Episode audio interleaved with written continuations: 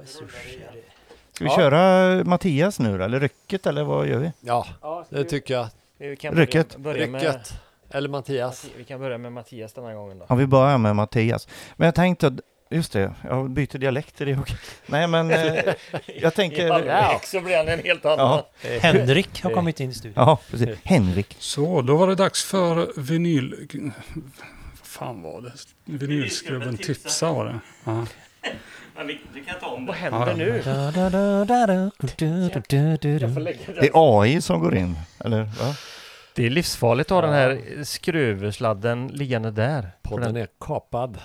Det är, nej, nu har vi hållit upp så mycket, Jag skulle ju kunna göra så här så också. mycket hårdrock och ockulta skivor så uh, Jaha. mixerbordet är för, Mm. förbannat. Upp och nervända kors och Det piggar Ja. upp. Tack Kiss S och sånt. Är du så redo man kan bli? Jag tror det. Åtminstone så redo jag kan bli. Thomas, redo? Kör bara. Lars, Mm. redo? Absolut. Det blir ändå som det blir. Ja. Jocke, Ja, för fan. Skulle han aldrig ha sagt. han sitter där Eh, ja, osynlig idag. så säger jag. Vi startar upp och så ser vi var vi landar. En, två, tre, fyra.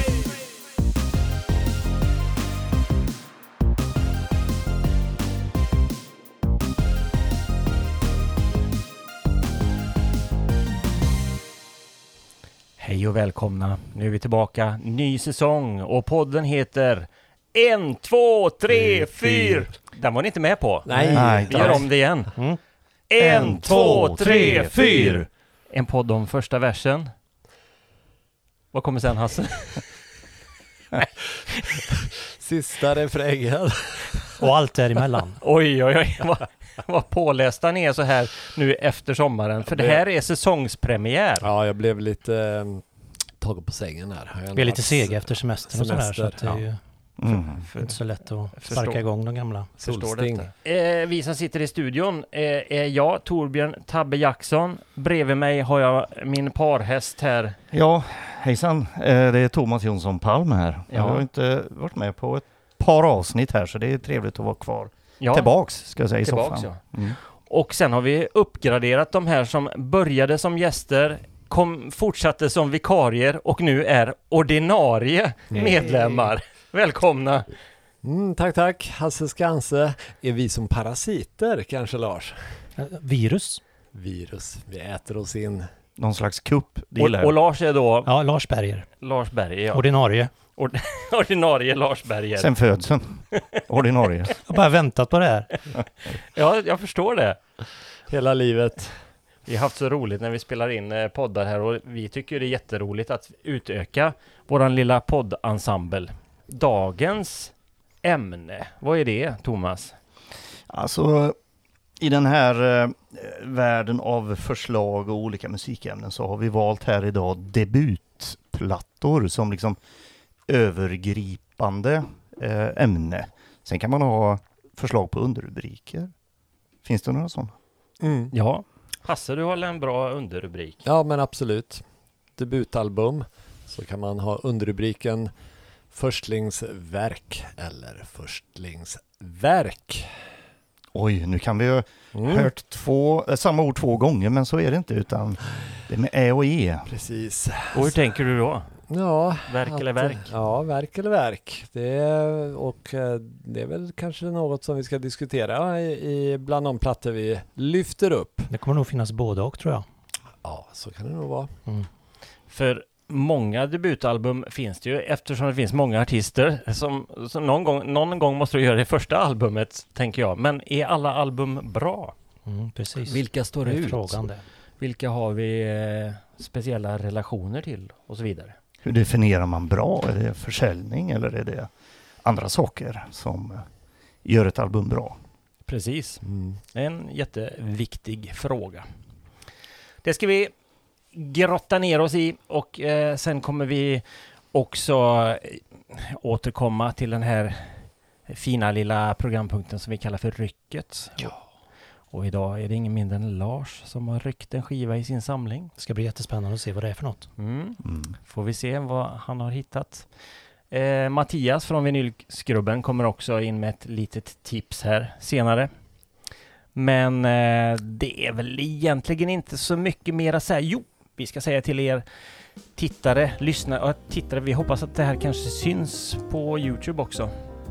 Eh, men er lyssnare framför allt, eh, skicka gärna in eh, tips och idéer på kommande avsnittsämnen. Eh, eller eh, om ni vill vara gäster själva, kanske har gäster som ni vill tipsa om att de här borde ni ha med. För vi har jättegärna gäster i studion. Precis, och ibland när man är gäst så kan man bli ordinarie. Det, om det vill sig riktigt illa. Det är inte lätt kan jag säga. Men eh, Smörj och mutor mailadress finns det ju då som är musikpodd 1234 och gmail.com och det ska vara siffror där 1, 2, 3, 4 då.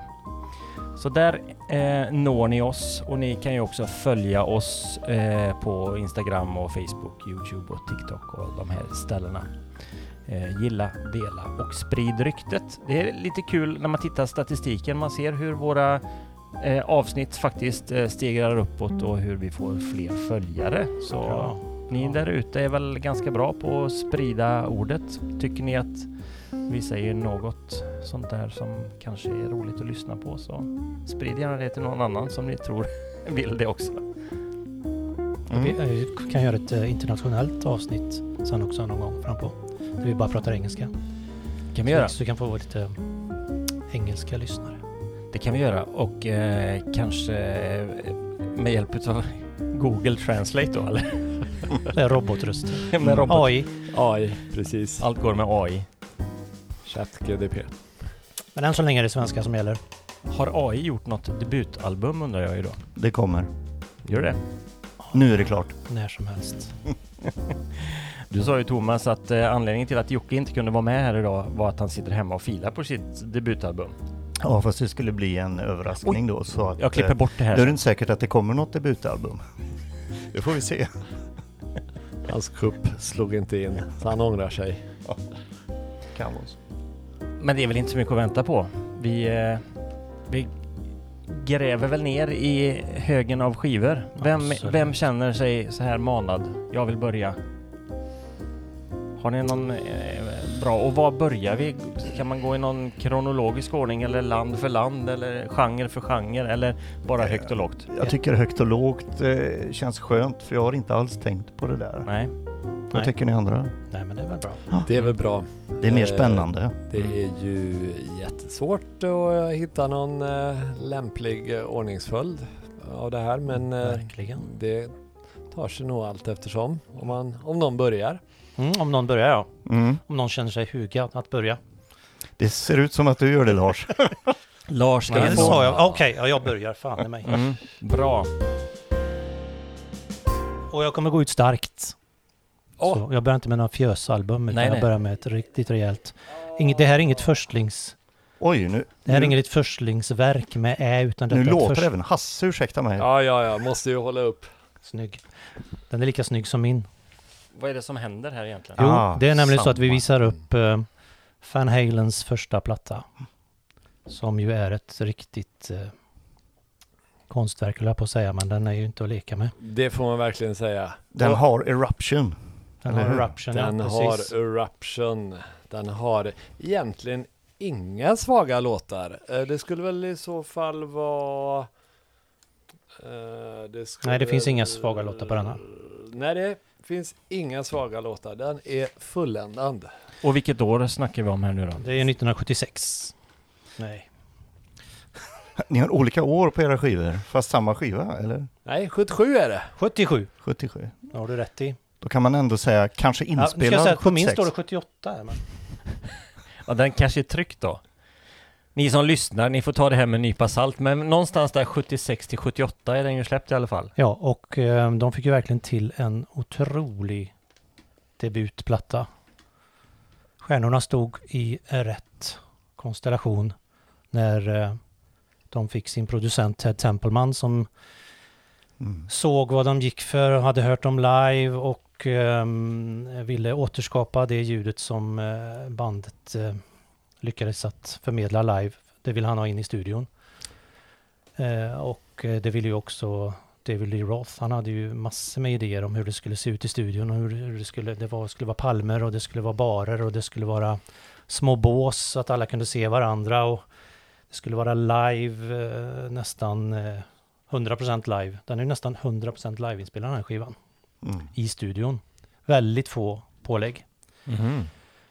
Och så var det högt och eh, uh, Eddie Van Halen fick eh, höja sin stärkare så långt, så mycket han ville. Och så fixade Ted, Tempelman Templeman så att ljudet ändå gick fram till kontrollbordet tillsammans med sin fina eh, inspelningstekniker Don Landy, som är en stor del av det här projektet också. Kan man, ska man nämna att eh, bandet upptäcktes av Kiss Kiss-basisten och bandledaren Gene Simmons. Mm. Han står ju, de tackar ju honom där på baksidan. Just det, han var ju med och eh, bekostade en, eh, en demo, Mm. en inspelning, Detta är helt nytt för mig. Har inte jag hört alls. som de, eh, som de fick sitt skiv- skivkontrakt. Delvis på grund av. Mm. Nej, gud vad fräckt. Den låter ganska bra den också, den demon. Inte dåligt alls. Hette Det är de ju- Mammut då? Mammoth. Som de nej, hette nej alltså de Mammoth var ju mycket tidigare än det här. För att de, de, de hade ju hållit på och, och um, harvat runt i, runt Los Angeles på, på keg parties och uh, trädgårdsfester och sånt i typ fyra år tror jag. Mm. Och uh, Mammoth var nog tidigare än så. Innan de kom på att de skulle heta Van Halen. Det, var- jag läste någonstans att det var faktiskt eh, Dave Lee Roth som tyckte att de skulle heta Van Halen. Precis. Det var hans idé. Och annars har man ju Som så mycket annat. mycket annat. Men annars tänkte man ju lite att han var ju lite, eh, att han hade ett stort ego. Men att han ändå valde och ville att bandet skulle ha efternamnet av eh, två andra medlemmar. Mm. Ja, han, han var ju väldigt, han såg ju helheten på ett väldigt bra sätt i, där i början. Sen så, som vi har pratat om i, tidigare avsnitt så, så händer det ju saker i grupper efter ett tag.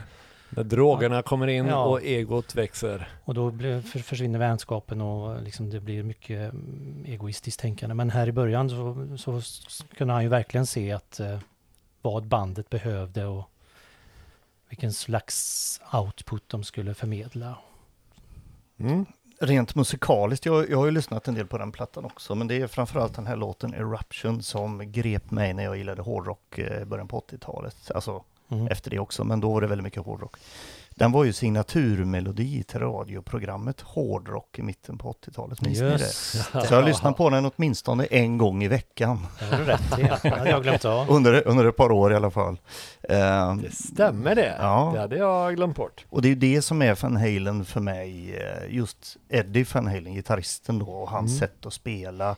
Som eh, man kan väl säga var väldigt egensinnigt och innovativt på många sätt. Även om han kanske inte uppfann alla de där sätten som han spelar på. Men som han förde ihop det här med pull-off-tekniken och alla möjliga andra saker som han spelade. Och det var ju en show att se honom också. Mm. Ja, men just, och just Eruption är ju en väldigt bra exempel på det. Ja. Jag vet inte, hade man, jag tror inte man hade hört gitarr låta på det sättet Nej. före.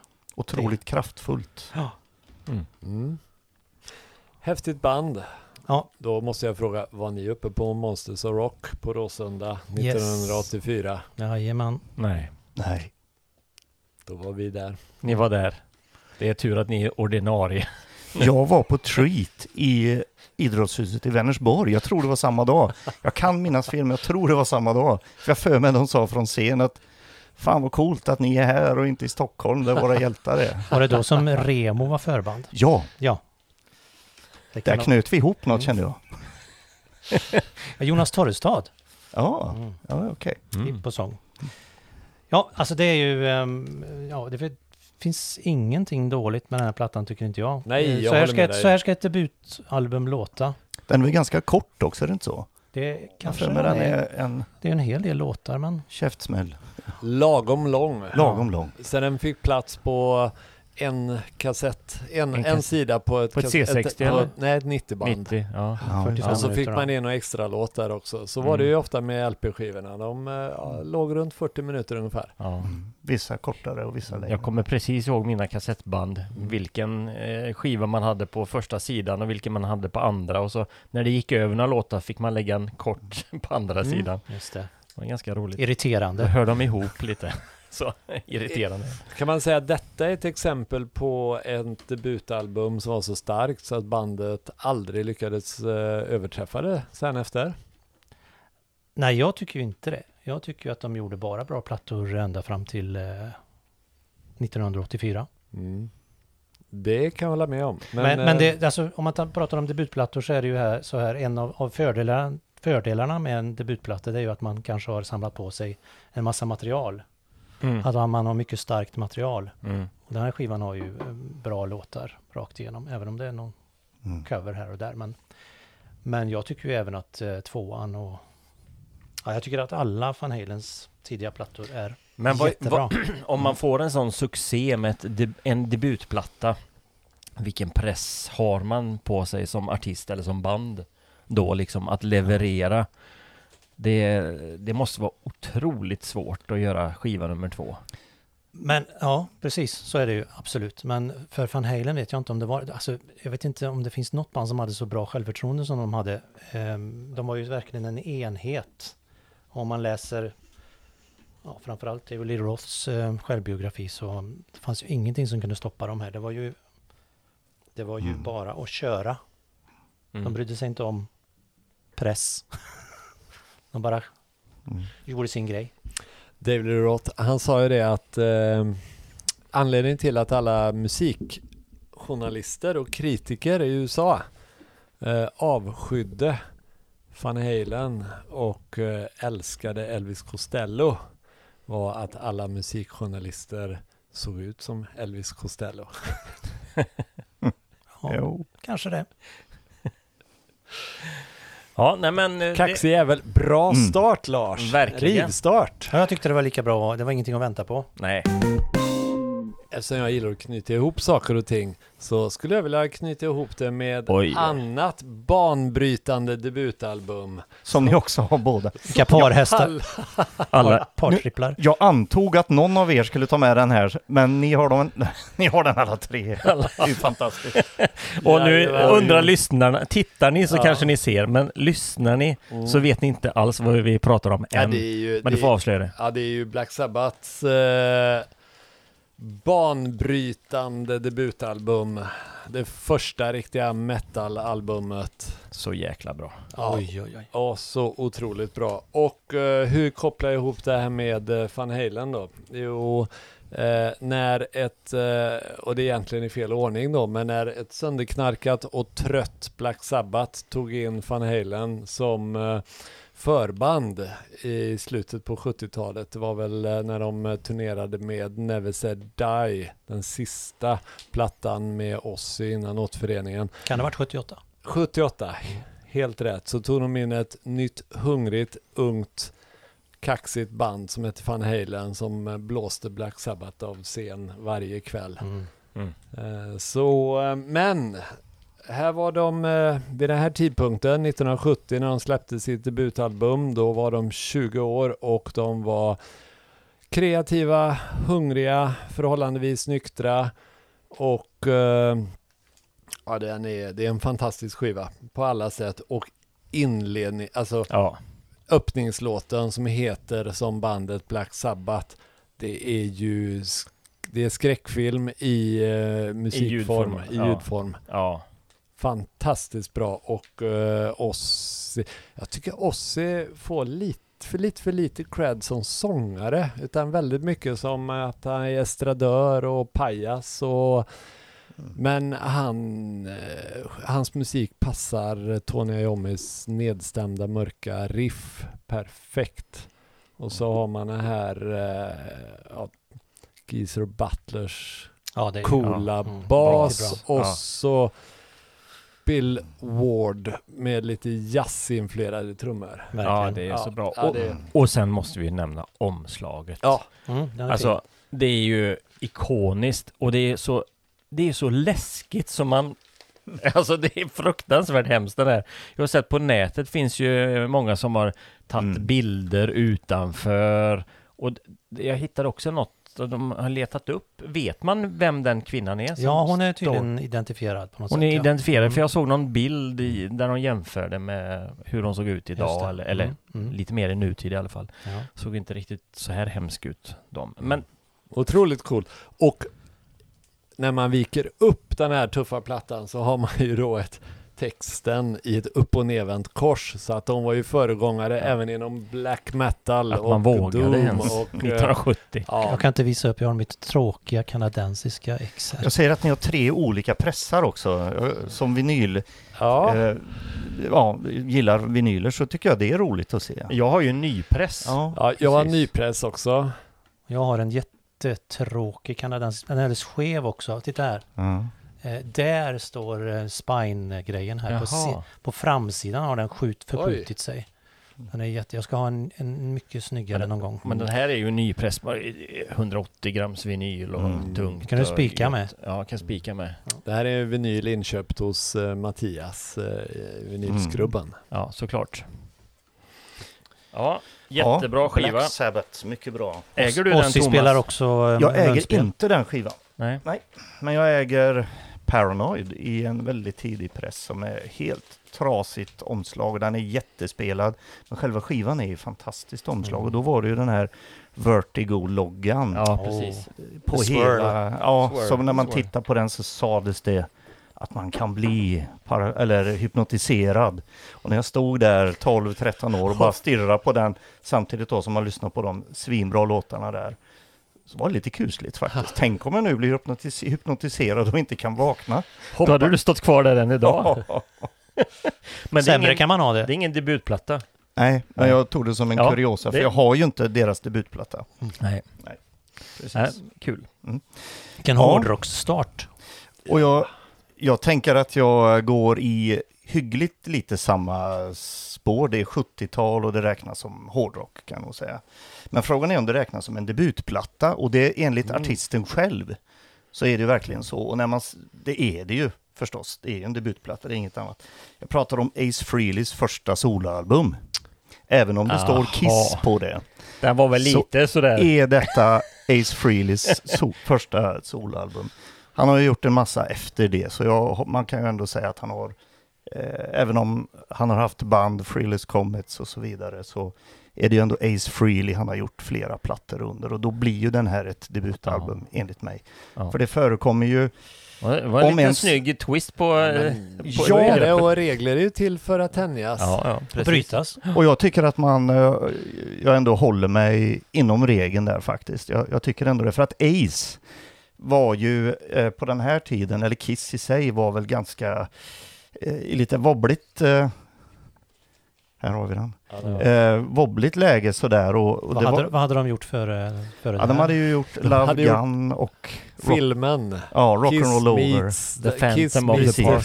meets the Phantom of the Park. Och det var väl lite så här, hur mycket kan vi klämma ut ur det här bandet nu då? Hur mycket kan vi liksom, för de hade ju haft några år av ofantliga succéer och världsturnéer och eh, gjort så otroligt mycket. Men Ace hade egentligen bara sjungit två låtar på alla de succéplattorna de hade gjort. Eh, och kanske inte fick så mycket utrymme som artist i övrigt än att vara gitarrist och eminent sådan tycker jag då i bandet. Även om han också bidrog till en del låtskriv låtskrivande och låtskriverier då. Mm. Men här glänser han verkligen enligt mig. Det är ju inte så ofta jag lyssnar på gamla Kiss-plattor nu för tiden på det där sättet. Men när jag tar fram den här så blir jag alltid glad. För jag minns ju hur kraftfull upplevelse det var, hur stort det var när man la på den här och första låten, Ja, Rip det. It Out, bara. Det bara smackar igång direkt. Bam, bam, och så är den igång. Och så New York Groove var det med. Ja, det var Oh. ju singeln då, Ja. hitten där. Men den tycker jag är... Ja, det är inte en det han, cover eh, också. Ja, är inte det han Det är en Russ Mm. Ballard? Eller vad, är det inte han som skrev den? Eller?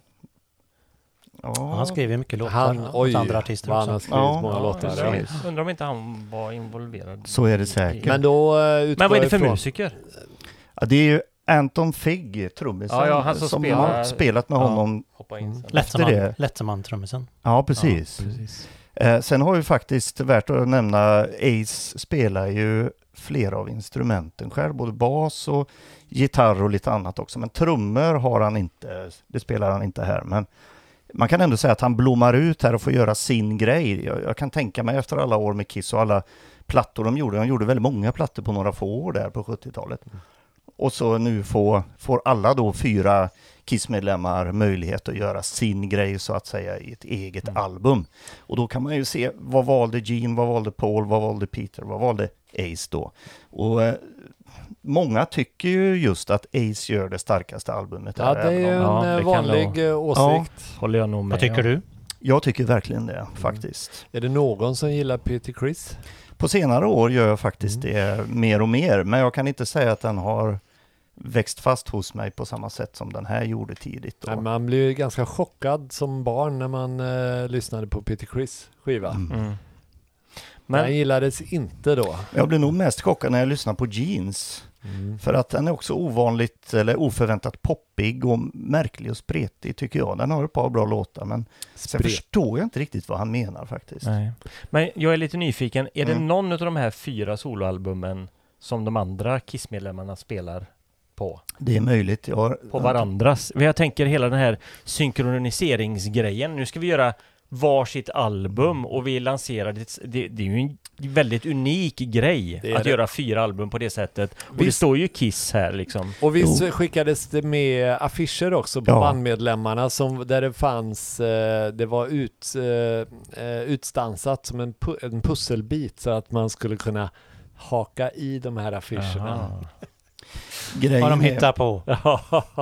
Men det var ju en, jag menar, ett kommersiellt drag att göra detta Ja, givetvis. Och det var smart. väl ja, smart och nytt kanske då på många sätt. Ja. Ja. ja, men ni är ju fyra individer i ett band och, som ändå är ganska starka och alla fyra hade ju eh, leadsång och så, även om Peter Ace var väldigt marginaliserade kan man ju tycka då kanske. Så eh, tycker jag, här tog han fan i mig, om man får svära lite, vara på möjligheten och gjorde ett starkt album. Ace Frehley var ju, eh, det finns ett otroligt roligt eh, klipp på Youtube från en, eh, det var någon sån eh, amerikansk eh, tv-show när de var med. Och eh, en eh, berusad Ace Frehley och eh, Peter Chris sitter väl bredvid och är stenad och de kan inte de tramsar och eh, Gene Simmons och Paul sitter och är svinsura på Han har väldigt speciellt skratt, Ja, Ace Frehley. Ace Frehley. Och så, får, så ställer ju programledaren frågan till Ace Frehley så här, eh, så frågar han eh, vad, vad föreställer du för någonting då? Och Ace Frehley säger Actually I'm a plumber. Mm. Det är klassiskt klipp det. Men- och Gene Simmons ser ut som han vill sjunka ner genom soffan och försvinna. Han är så arg på dem där, för han vill ju vara seriös. Det här Kiss är ju blodigt allvar. Ja, men det är li, ja, stackars Gene, sitta där och försöka Ja. vara seriös utklädd till en drakvampyr. Mm, Men på tal om eh, vilka musiker som var med. Men Anton Figg, inte han med på något officiellt Kiss-album och Jo, han är också? väl med på Unmasked bland annat. Ja, jag. precis. Som trummis. Mm. Ja, just det. Och här, här är det då Ace, han spelar också syntar på sin skiva här också, så Mm. allt utom trummor egentligen. Mm. Ja, Ja, ja, Härligt, men härligt för Ace. ja. jag, jag tänker om man ska så här Hasse, du har ju varit expert på att koppla ihop lite och även du Lars, så här tema. Nu har vi varit inne på lite hårdrock. Tema kan man väl säga alla tre här. Ja, det blev Mm. så. Ja, Det blev så. Och, då, och då tänker jag att jag får inte vara sämre jag, utan jag hoppar in här, fast jag går på det svenska spåret då och tog med mig Europes Mm. debutplatta. Se där. Vad söta de är. De är så Ja. gulliga. Och Joey Eh. Tempest har väl mustasch på den skivan också? Ja, fjun. Fjun. Eller nå- Ja. Ja, jag vet inte. Mm. Eh, Han, han kallar det mustasch. Ja, precis. Jag är ju inte ett jättestort eh, Europe-fan. Jag har ju såklart lyssnat på dem när det begav sig och sådär. Och den här skivan har jag ingen jätterelation till heller så. Men det är någon sån där som jag köpt på mig. Eh, däremot så var jag och såg Europe nu på Göteborgs... Eh, ja, du var det. Ja, Ja. för jag har aldrig sett dem live förut. Så jag tänkte det kan det, vara en jäkla rolig... ja. Ja, de, den här eh, 400-årskalaset Just. i Göteborg. Mm. Mm. Så det var roligt att se dem live faktiskt. Eh, och jag måste säga att de levererar. Ja, de håller väl stilen Ja, tror jag. Ja, de är väl verkligen. eh, Mm. Jag måste säga att de, några av låtar på de senare skivorna är riktigt bra. Ja, kanske till och med bättre än... Kanske till och med bättre. Kanske till och med bättre. Ja. Det här är kanske ingen stark, jättestark... Eh, Ja, men du har några bra låtar på den. Seven Doors Oj, Hotel. Ja, The King Will Return. ja, det är sant. Det finns några bra. Men jag skulle kanske inte, inte se det som en stark debutplatta. Nej. Alltså jag som var med på den tiden och var i den hårdrocksvängen eh, och, och var med i ett band som hade aspirationer på att ta över världen. Så tyckte man ju att det där var ju fantastiskt. När, Mm. de, när de gick och vann eh, Rock-SM och eh, fick eh, ge ut en sån fin platta och ut på turnéer och liknande. Tänkte man att ja, kan de så kan vi. Ja. Så vi, det där tyckte man ju var en, en väldigt stor inspirationskälla på den tiden. Mm. Även om man förstås tyckte att ja, vi är ju bättre. Men eh, jag tycker nog att eh, mycket på den är eh, kanske det som jag gillar mest. Och den som kom efter också, Wings of Mm. Mm. Tomorrow. Ja. Då såg jag dem live i Vänersborg. Mm. Huvudnätsskolans aula. Oj, Fullsatt. wow. Vilket minne. Ja. Ja, nej men eh, kul ändå att få med något svenskt och inom hårdrocksgenren. Mm. Eh, Europe Fint. med plattan som heter Europe från 1983 tror jag va? Mm. Ja. Den slänger vi in i högen. Nu kan man välja att antingen, eh, jag har en koppling eh, vidare till en Mm. annan skiva, men Mm. då lämnar vi hårdrocken i så fall och det kanske är synd. Ja, det gör väl Ja, inget. jag vet inte. Högt och lågt sa vi. Högt Högt och och lågt, lågt. ja. Och vi kan ju hoppa tillbaka. Det kan man ju alltid göra, det är ju det som är Det, fördelen. det lär bli så. Ja. Koppling, koppling går före logik. Eller Eh, något. Du nämnde ju att du såg Europe på den här Göteborgsfestivalen eh, festivalen och eh, det gjorde inte jag. Och, men det var ett annat stort gammalt favoritband som spelade också som jag inte kunde gå på. Suede. Suede. Ja. Det, jag hade Om. tänkt att jag skulle gå och kolla på dem, men Ja, jag orkade fasen inte. Jag var så jäkla trött efter jobbet. min systers dotter tog studenten så att eh, Ja. jag kunde inte gå. Eh, men eh, Suedes debutalbum, den, eh, det tycker jag, det, ehm, vad heter han, eh, sångaren? Brett, Brett Anderson. Anderson. Han Mm. hävdade ju själv att det var med låten Animal Nitrate som de drog igång hela Britpoppen eran. Sen så ger han inte så mycket för den genren eh, i övrigt, men han hävdar att det var de som startade det hela.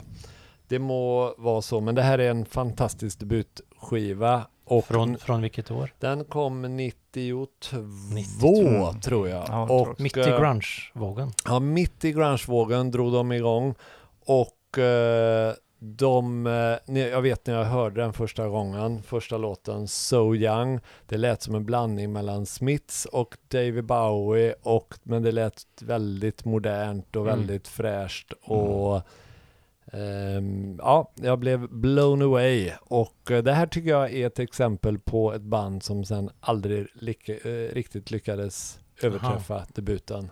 Fast det gjorde Mm. de ju. Med Co- Coming Up och Dogman Star som kommer efter. Båda Det- de två är ju bättre än den det tycker tycker jag. inte jag. Eh, Du har fel Hasse. Time out! Sätt på, någon, sätt på någon jingle eller något. Ja, du, Nej, den är jä- till. Den är jättebra, men jag älskar både Dogman Star och Coming Up väldigt Ja. mycket. Eh, håller med, de är bra de också, men kan vara så att den här, eh, jag tog den till mig på ett Mm. väldigt Ja. speciellt sätt. Får, får man tycka olika? Ja, det får man väl Tills ändå. vidare. Ja, tills vidare. Tur det. Också väldigt eh, vackert omslag här Mm. på, på ett eh, lite androgynt par som kysser varandra. Mm. Fin bild. Mm. Mm. Ja, Bra omslag. väldigt. Mm. Coolt. Jag såg dem live, eh, det måste varit typ 99 tror jag. Lisebergshallen. Jag tror Mm. det var den här... Jag med. Gjorde det? Ja. Jag måste säga att jag tycker att eh, bandet var jättebra live och Brett Anderson är en, var en fantastisk eh, frontfigur då. Så det har varit kul att se dem nu på Göteborgskalaset där också. Men ja, ja, Enligt rapporterna så levererar de jättebra i Göteborg. ja. Ja, Mm. så ja. Fint. Så de Den- kanske kommer tillbaks. Är det någon mer som har sett dem? Någon annan? Kan ha gått förbi när de spelade på Roskilde något år. Ja. Eh, för, på 90-talet och sett eh, några låtar jag för mig det, men det är inget jag kan bekräfta. Det måste jag kolla. En annan eh, förstlingsverk som är här eh, som, när de, som var väldigt starkt var ju Pearl Jam live. Eh, och eh, nej, Ten heter den va? Ten ja. Ten, Ten ja. heter den. Eh, det var ett stort favoritband 92 eller var det 93 de spelade i Roskilde.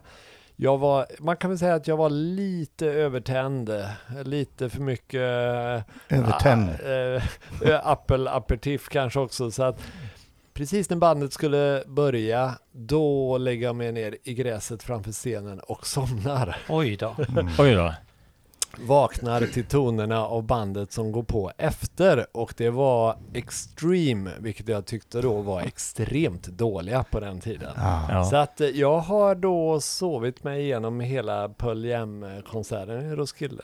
Ja, då kan vi ju Det är också en bedrift. Det är ju då kan nästan vi gå in på den här plattan. Jag vill bara travestera Ulf Lundell där, att även en missad konsert är ju en, en, en konsert. Tydligen, eftersom du håller på att berätta om den nu så var det, det blev en historia.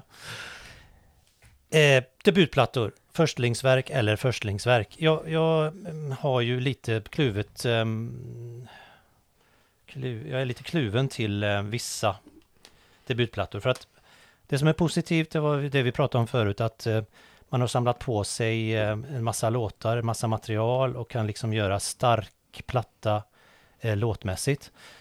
Men det kan också vara så att om det är den första skivan man gör så, så, så kan det vara så att man kanske inte varit i studion förut. Man eh, är lite ovan vid det här nya. Det kan bli lite stelt, det kan bli lite, man kanske inte har rätt producent från början. Jag tycker nog, och jag tror inte att det kanske är jättemånga som håller med mig, men jag tycker ju att Pearl Jams debutplatta är det är bättre låtar än den låter. Tycker jag. Tycker de här låtarna som de spelar här eh, gör de ju mycket bättre till exempel nu för tiden. Än vad, de, Mhm. än vad de gjorde på den här skivan.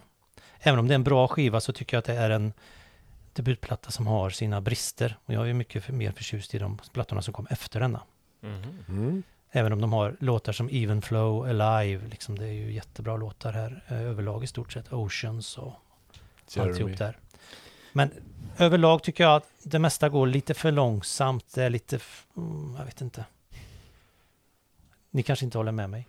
Jag, jag kan inte deras eh, katalog så mycket. Jag har ju den skivan. Mm, jag älskar ju det, Pearl det, är Jam. ju- det är ju den jag har lyssnat eh, mycket på. Mm. Jag, är- Men jag har inte så mycket att jämföra med. Jag är som dig Tabbe. Jag tappade tyvärr ganska snabbt intresset men eh, nu när du säger att de fortsätter utvecklas och blir bättre Lars så får jag väl ta och plocka upp dem igen. Mm, ja, jag, tycker, jag såg dem live nu förra året på Lollapalooza. Det var ju eh, magiskt bra. Svinbra var det. De spelar som aldrig förr. Sen kan det också ha en del med att göra att, att eh, min favorittrummis eh, med eh, Pearl Jam, han kom med på andra plattan. Ja. Jaha, Är det- ja, det, det visste att det fanns en hållhake. När vi pratar andra plattor, för det är minst lika intressant som debutplattor tycker jag. Då, Mm. Det kanske kommer någon gång. Det kanske är nästa avsnitt. tar vi upp, det kopplar vi till alla andra plattor idag. Ja. Eh, nej men jag kommer ihåg när man satt upp eh, eh, och på det här 120 minutes Yeah. På eh, MTV. TV, alltså alla yngre än mig som lyssnar på detta. Tablå-TV med Tjock-tv. musik. Tjock-TV var det också. Nej men det var ju... eh, Dock i färg. Ja, och det var ändå kabel-tv, så Ja. det var ändå lite coolt. Men eh, satt och väntade vid midnatt så skulle den släppas. Eh, det här nya bandet Pearl Jam och singeln då, första var ju Alive. Alive. Ja. Och eh, det, var, det, var, det kom jag ihåg som en stor grej. Bra video. Ja, jättebra tyckte jag det var då. Men sen när plattan kom, jag tyckte den var bra, men jag hade nog lite för stora eh, mm, förväntningar kanske på det. Mm. Men eh, det, var, det var riktigt bra. Men det är ju många som håller denna för deras absolut bästa, Ja, givetvis. det är det. Mm. Fast de har gjort enormt mycket musik, för de har släppt Ja. väldigt många skivor Det har de gjort. Mm. också. Och är fortfarande produktiva. Ja. De släppte skiva förra året tror jag. Just Men den trummisen då som var med på andra skivan där. Mm. Är det samma trummis som fortfarande är med eller? Nej, han var, det var Dave Abruzzese. Han Mm. var med på eh, andra plattan och tredje, eventuellt fjärde också. Sen så um, var det någonting som hände där som han fick hoppa av. Så de har haft ganska många trummisar. Är det, har de gamla Soundgarden-trummisen Ja, nu? det har de. de. Han har ju varit med nu länge. Mhm. Länge, länge. Vad heter han? Matt Cameron. Cameron? Då kommer vi in i grunge-trädet, eller hur? Ja, Mm, Nu börjar vi liksom härligt. hitta ljusningen i det, i den, Det det släktskapet Mm, kanske. Men jag har nog inte med någon sån platta direkt, men jag tänkte ta... Eller är det jag förresten? Det kanske Ja, inte är det. det är klart ska, du. ska Du kan väl kila dig emellan här? Ja, ta för dig Ja. bara. Det går bra. Ja, ja, ska, ja. Ja, ja, ja. Med ålderns rätt. Jag tar ju med ett ikoniskt album på så många plan. Så Den där, kanske ja. ni andra har med också, eller? Nej, inte jag. nej, Nej. inte jag. Det är ju Sex Pistols eh, debutalbum Nevermind the Bollocks, Here's the Sex Pistols. Och det är ju också deras enda egentliga regelrätta studioalbum som vann kan man ju säga faktiskt. Just det. Så debuten blev deras svanesång, fast det gjordes ju lite andra produktioner efter det som också är Sex Pistols-plattor. En härva av skivor. Ja, och märkligheter och så här som jag inte har koll på egentligen. Men jag tycker den här är ju, ja som sagt ikonisk på så många plan. Det är ju, räknas ju som ett av ja, punkens eh, absolut största band och, eller ja, både band och, och eh, platta givetvis då. Den kom ju punkåret 77. Eh, Ramones hade ju släppt sitt debutalbum innan och sådär och eh, det sägs ju att de historien berättar väl att eh, Ramones hade väldigt stor inverkan på det som kommer att bli eh, brittisk punk då, i alla fall eh, när det handlar om att väcka musiken i detta då, för punken var ju en stil också. Det var ju inte bara musiken, utan det var ju en del av punkkulturen bara då. Mm. Och ja, estetik. Omslaget är ju också eh, Mm. tydligt punkigt. Är det där ett original eller? Det är inte ett original tror jag, nej, den är nog från 79 tror jag den här pressningen. Så den är, Tidig ändå. Ja, det är en tidig Mm. pressning. Och den är i väldigt fint skick och jag kan ju berätta, jag gillar ju när man kopplar sitt liv till sina skivor. Det är nästan så jag behåller mina skivor också, att jag har åtminstone ett litet fragmentariskt minne eller ibland stora minnen till. Och den här köpte jag tillsammans med Exploiteds eh, skiva eh, Troops of Tomorrow och en samlingsplatta med UK Subs. Alltså två andra brittiska punkband då, som var stora på 80-talet. Eh, inte minst. Eh, och de tre skivorna, jag, jag var på Saab på bilfabriken här i Trollhättan 85 eller 86. Kanske gick i sjuan eller åttan där eh, och pryade, eller hade min prao-plats en vecka. Och så var det en snubbe där, jag för mig han hette Eddie, eller kallades Eddie i alla fall. Eh, och så var vi på den här, det kallades för rulltesten. Man testade bilarna, sådana här rullband i någon kammare och drog igång, alltså var uppe i väldiga hastigheter fast stod stilla i bilen och testade alla, alla, alla funktioner och sådär. Eh, och då när han skulle testa radion där då och CDn och det här så var det ju ofta han slängde in punkplatta och jag hade precis börjat lyssna på punk mer aktivt. Och så började vi prata lite punk och sådär och han sa, ah, du vet jag har ju massa skivor, jag ska ju sälja dem nu och sådär. Så hade han med de här tre plattorna nästa dag och så fick jag köpa dem för troligen en spottstyver och jag var ju helt darrig när jag gick hem. Wow. Wow. Så Härlig historia. då var det den jag la på och det är ju första låten, Holidays in the Sun, Ja. är ju Bra ljud på den plattan. jättebra. Mm. Den är väldigt bra producerad överhuvudtaget och det är ju, Vad är det för producent? eh, ja du, Det är ju väl Malcolm McLaren förstås. ja, den märkliga McLaren. ja, eh, det är det säkert. Han hade ju allt eh, med punken att, göra där i början.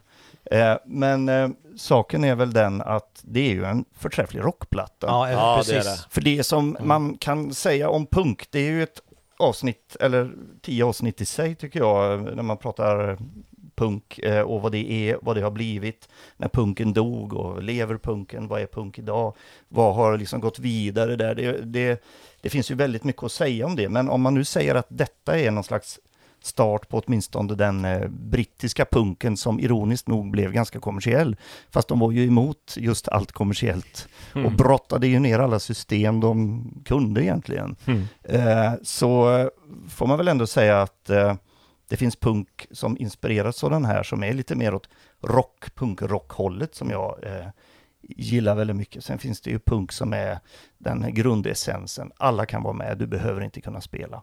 Du behöver bara ha attityden och viljan. Och så blir det vad det blir. Här vet jag inte vad jag ska säga om det. Jag tycker att det är välproducerat, Ja. bra, rockigt och punkigt. De är bra musiker också. Det är Ja. en bra trummis. Ja, jag menar och det. Väldigt bra gitarrist. och- Och jag hade... Och basisten där är ju inte Sid Vicious, så det låter ju bra på grund av det. Ja, Ja. Glenn Matlock. som- Glenn Matlock Ja. han?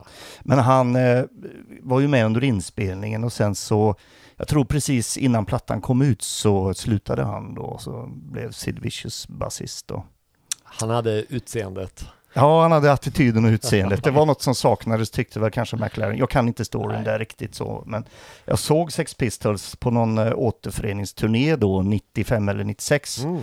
Så var de ju ute på någon sån, eh, nu ska vi dammsuga er på pengar. Eh, Hur var det? Alltså faktum är, det var ju på Roskildefestivalen, faktum är att jag tyckte det var, lät jäkligt bra. Det var ju sent på lördagskvällen, eh, men jag var med om en väldigt märklig upplevelse där, jag och alla som var där. De, efter ett par, tre låtar så börjar folk att slänga saker på scenen och Ja, det det har ju hänt tidigare. Eh, Att folk får flaskor på sig och snusdosor och allt möjligt sådär. Men då började det med att Johnny Rotten fick en whiskyflaska på sig. Aj. De bryter konserten och han säger you fuckers och sådär va. Fullständigt begripligt, helt förståeligt. Sen så drar de igång igen och då börjar folk att slänga, de hade stora pappmuggar som de fyllde med grus. Det var inte ett av de regniga åren utan det var väldigt grusigt och dammigt överallt. Va?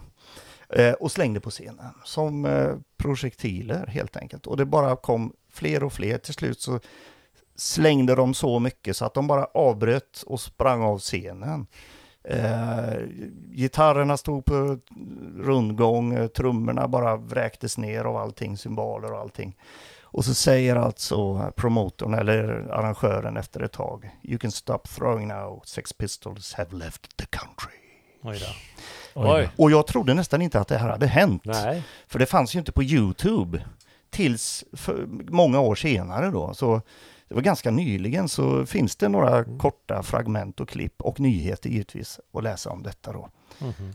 Och jag stod bredvid en kille från Tyskland och han, vi tittade på dem. Vad fan är det som händer?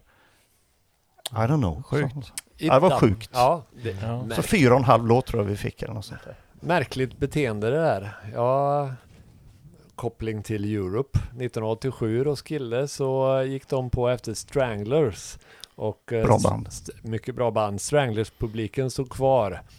Och så gick Europe på och de var ju inte, innan publikerna hade hunnit bytas ut så hann det regna en del en del eh, projektiler över Europe och bland annat en liten yoghurtburk. Och Oj. Joey Tampe säger, vi behöver inte slänga mer frukost, vi har redan ätit. Ja.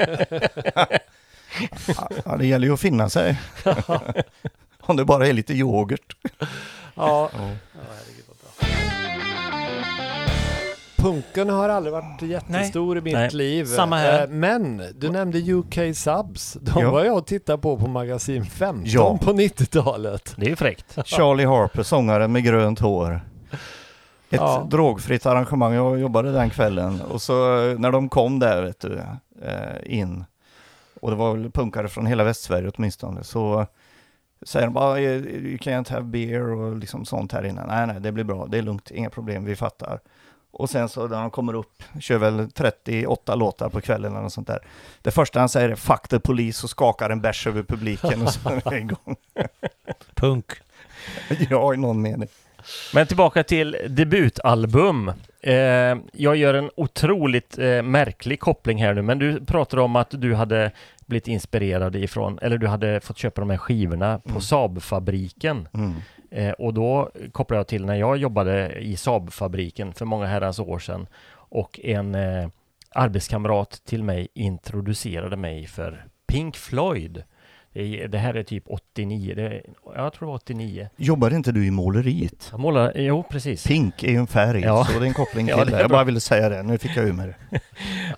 Men, eh, och då, då hade man ju sådana här freestyles på den tiden. Man gick där och jobbade med sina bilar och lyssnade på musik. Och jag fick lyssna på, det var Dark Side of the Moon och det var ju då eh, Time, den starten där med alla klockor och allting som Fint. drog igång i huvudet på Jag, jag blev helt chockad, jag höll på att tappa allt jag hade när jag jobbade. Det blir fortfarande när jag hör den, för det är Ja. alldeles för högt mixat. Eh, nej men det är fantastisk, Un, underbar skiva. Men, för att göra Snacka kort, skit om Dark Side of the Moon, vad fan? det är ingen, det är ingen skit. Det är bara mixen.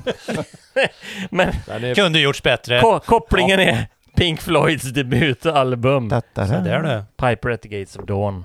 Det- Och det här är ju tidigare då, det är ju 67. Jag, jag fastnade ju fullständigt för Pink Floyd där och då i Saab-fabriken och eh, eh, nu ser jag ju att du håller upp en, en till här, eh, Pink Floyd-relaterad eh, skiva. Eh, men den här eh, första skivan, det, det är ju det är väl en sån där vattendelare Ja, Eh, eller om man säger det, Hasse, du Ja. är inte så mycket för den tidiga Pink Floyd-perioden förstod vi när vi pratade progg här för ett tag sedan. the early years. Ja, nej det stämmer det. Och det var nog min eh, instinktiva känsla också sådär när jag började där med Pink Floyd. Men sen när jag började gräva och så, jag älskar ju de här tidiga skivorna och det som de gjorde.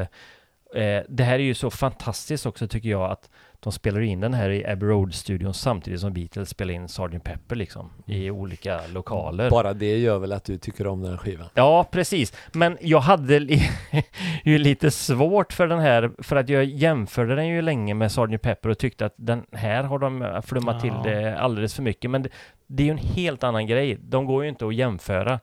Nej, det ska man inte göra. Men jag tycker ju ändå, även om jag älskar Pink Floyd, att den där lider lite av det här som jag pratade om förut. Ja, ja. Det är lite stolpigt, Ja, det är lite jo, det är det. halvdåligt Ja. ljud. Det är, det är ju mycket bra låtar de har samlat på sig, men Men jag tycker det är en bra debutplatta, men de blev ju bättre sen. Ja, tycker jag också. Ja, jag tycker absolut. Också det. Jag har den där eh, första också, men det är inte den jag tar fram när Nej, jag vill lyssna på Pink Floyd, när jag vill ha deras, den stämningen faktiskt. nej. Men den måste nämnas här absolut. i, i och där är ju Syd. Barrett med. Det är väl den enda Mm. plattan som Syd Barrett är med på. Ja, ja, ha- har han inte skrivit någon låt på eh, andra skivan också? Ja, en, en låt. har En låt, ja. Ja, Men precis. jag tror inte han är med. Ja, det, det, folk säger att han har lagt någon gitarr eller någonting, men jag vet inte Ja. om det är så. Och då kom ju David Gilmore med på andra Precis, skivan där. exakt. Men ähm, ähm, Syd Barrett, han eh, fick ju göra sin egen debutplatta Ja, Mm. ett par år senare. Den har jag fortfarande inte fått tag i, men den måste jag köpa. Jag Och jag tycker ju att om man vill höra Syd Barrett i sitt esse, detta gamla ord, uttryck, så, så ska man ju lyssna på eh, The Madcap Laughs. Ja, Mm. eh, som, eh, där han fortfarande var någorlunda vid sina sinnens fulla bruk och kunde med hjälp av David Gilmore och Roger Waters som är med och producerar och spelar och försöker hålla ihop det och hämta honom på morgonen som när de skulle gå till studion och för att han visste inte att han skulle dit och allt Mm. vad det var. Eh, så, så fick han ihop ett väldigt bra album här. Han var redan så sjuk då alltså? Han var ju förvirrad och hade mycket idéer och här till exempel ser man ju det här, det, det ikoniska omslaget med den, det randiga golvet. mm. Detta gjorde han, han visste att de skulle ta någon bild till eh, eventuellt omslag. Då kvällen före så började han att måla golvet. Mm. Man målade in sig i hörnet. Och blev Så sittande. när de, kom, när de kom på morgonen så var han där i hörnet. Han tyckte det var en bra idé och det blev ett väldigt fint skivomslag. Ja, väldigt Ja, fint. Alltså det är konst på så många plan, hela den storyn. Och sen har de, hade de ju också, här, eh, vad heter hon, Eskimo, någonting, Eskimo Zoo eller någonting heter hon, som de le, letar, som är på, med på, eh, på baksidan här på omslaget. ja. Som sitter på en stol. Eh, henne hittade de eh, typ för några år sedan tror jag. Hon hade, det var ingen som visste vem det var. Men Mhm. hon är ju ändå ikonisk. ja. Nej, jag, jag, tycker den är fantastisk. Um, uh, Terrapin och alla de goa låtarna som är med här. Octopus, är, det en, Golden Hair. Ja. är det en originalutgåva? Nej, det här är en eh, ny, ny, ny press. Ny, nypress, Mm. ja. Ja. ja. ja. nypress går den väl att få tag i hyfsat lätt Mm. nu tror jag, men eh, Fin i, i gatefolden här också med någon liten grej. Tre, en, en psykedelisk svartvit bild. Mm. mm. Och sen gjorde han bara en skiva till efter det. Eh, ja, han gjorde ju Barrett efter Mm. denna. Mm. Och sen har det kommit någon så här postum grej också, men det är de Ja. två. Mm. Sen försvann han. In i dimman. Det finns någon som heter eh, Opel, va? Eller? Opel ja. Ja. Mm, det är, Men är det- är det en kvar, samling Det är något kvar- kvarvarande. kvar- Han ja. gjorde ju, eh, för att få ihop någon, någon, någonting som gick att, att använda så fick man ju göra massa tagningar. Så det finns ju typ 40 tagningar av vissa låtar. Och Mm. De dyker Mm. upp här och där. Mm. Mm. Men den andra skivan är inte alls lika bra som... Den är bra. Mm. Den kan man också Ja. Men, köpa. men den första är bäst. Den är ju väldigt ikonisk tycker Ja. jag. Mm. Men eh, ja, man kan köpa båda. Lite sådär, ibland vet man inte riktigt var man har honom eh, och hans musik. Det låter nästan lite eh, ur synk och det är liksom inte så tajt alltid och Nej, och det var ju också ur synk. Det var ju, eh, han, han gjorde ju tagningar med gitarr och sång då själv. ja, Och sen skulle det då läggas eh, övriga instrument på detta. ja. Och det var någon stackars trummis som skulle försöka att göra någonting av det. Ja. Men det gick, ja, det gick på vissa låtar. Jag vet att David Gilmour har lagt trummor på, på några låtar. eh, För han, han förstod hans gitarrspel om man säger så. Mm. Så då Mm. visste han lite var, var, var grejerna kom. Mm. För han, det var ju mycket, han följde texten när han spelade och Mm. sådär. Och, Men det är Stilbildande. otroligt eh, härlig känsla i skivan tycker jag. ja, jag tycker den är jättebra. Mm. Tack för att du tog med den. Mm, tack för eh, Pink Floyds Kopplingen debut. där. Men blev det några rosa Saabar undrar jag? Det vet jag inte. Pink Saabs. Pink Saabs, ja precis. Det var inget coverband som hette så på så. Nej. Nej. Ska- Ja, Pink Anderson och Floyd Council just var ju det. de två bluesmusikerna som gav namn åt Så är det Pink faktiskt. Floyd. Det är ju bra fakta. Mm. Mm. Det visste jag inte. Ja, så var det. Inget med färger att göra, det är, det är ändå bra. För du, eh, David Gilmour från, och Pink Floyd. eh, Bra det- koppling där. Var du Ja. snabb. Eller inte, du var inte så snabb, men du gjorde kopplingen ändå. Ja, Ja, jag gjorde kopplingen. Eh, vad har du för spännande omslag? det är såna här, då, jag har såna här tråkiga utgåvor hela Ja, tiden. okej. Gör du egna omslag? Det är sånt här kanadensiskt säkert. Men eh, på den här skivan, Kate Bush debutskiva med eh, hennes kanske största hit, Wuthering Heights. Eh, här är ju Dave Gilmore då som vi har pratat om här en stund som hjälpte Sid Barrett och kom med i Pink Floyd. Han är ju med och spelar gitarr och har väl varit med och producerat en del låtar också. Ja, han hjälpte väl till eh, så att hon fick eh, skivkontraktet tror jag också. Ja, och hon var, hon var väl bara en 18 år eller Mm. något. Men, Ung men låt, men Wuthering Heights skrev hon när hon var 15 tror jag. Den Mm. låg ju i flera år innan hon... Ja, här har hon samlat på sig. Så det här är ju en eh, stark debut. Sen har hon ju fått bra med hjälp här av David Gilmore. Och, Och på andra. min står det här Much thanks and love to Dave Gilmore for rolling the ball in the beginning. Mm. Vad fint. Fint. Ja, det är fint. Mm. Verkligen. Ja. The Kick Inside heter den. Mm. Och här, ja men precis. The man with the child in his eyes. Den är så Mm. jättebra den låten. Ja, den är ju också en av hennes bästa. Ja men äh, jät, jättebra skiva. Jättebra spännande artist också. Ja, verkligen. Men hon, vad tycker du? Blev hon bättre efter debuten? Det tycker nog jag. Ja, eh, första skivan har ju några ikoniska låtar Absolut. men eh, jag kan väl tycka att eh, hon släppte, eh, det var bra hela vägen där. Hon gjorde ju bra grejer ihop med Peter Gabriel också. Mm, Ja. precis. Jag var ju på eh, Peter Gabriel på, i Stockholm Ja. och då gjorde de ju den här låten eh, Don't give up. give up. Don't Give Up. Eh, Nu var ju Kate Bush inte med där då, men de hade en väldigt bra ersättare. Den gjorde de fantastiskt. Det var en av höjdpunkterna på den konserten. Mm. Mm. Det gjorde de jättebra. Gött. Hade jag velat vara på den konserten. Men, Mm, det var jättebra. Kate Bush. men Ikonisk artist. Kate, Kate Bush, Peter Gabriel och då till Genesis. Det får man ju ändå Vad tycker ni om den erkänna, kopplingen? den kopplingen. Ja, den var ju faktiskt eh, oklanderlig. Ja. Här har vi ju debutplattan med Genesis. From Genesis to Revelation. Den kan vi prata om. Den kan vi prata om. Där kan vi prata om. Här, här kan man väl snacka om en riktig skiva som eh, nej, gör om, gör rätt, tänker jag ju bara när jag gör, lyssnar. gör helst inte alls. Gör helst inte den här. För den här Förstlingsverk. förstlingsverk, ja, man får nästan lite verk. Jag tycker inte den är bra alls. Nej, den är dålig. Nej. Finns det någon låt som man eh, eh, vill lyssna på så kan man ju låta bli. Jag har aldrig hört den plattan, vet inget om den heller. Nej, jag har väl eh, lyssnat på den för att och eh, avfärdat den.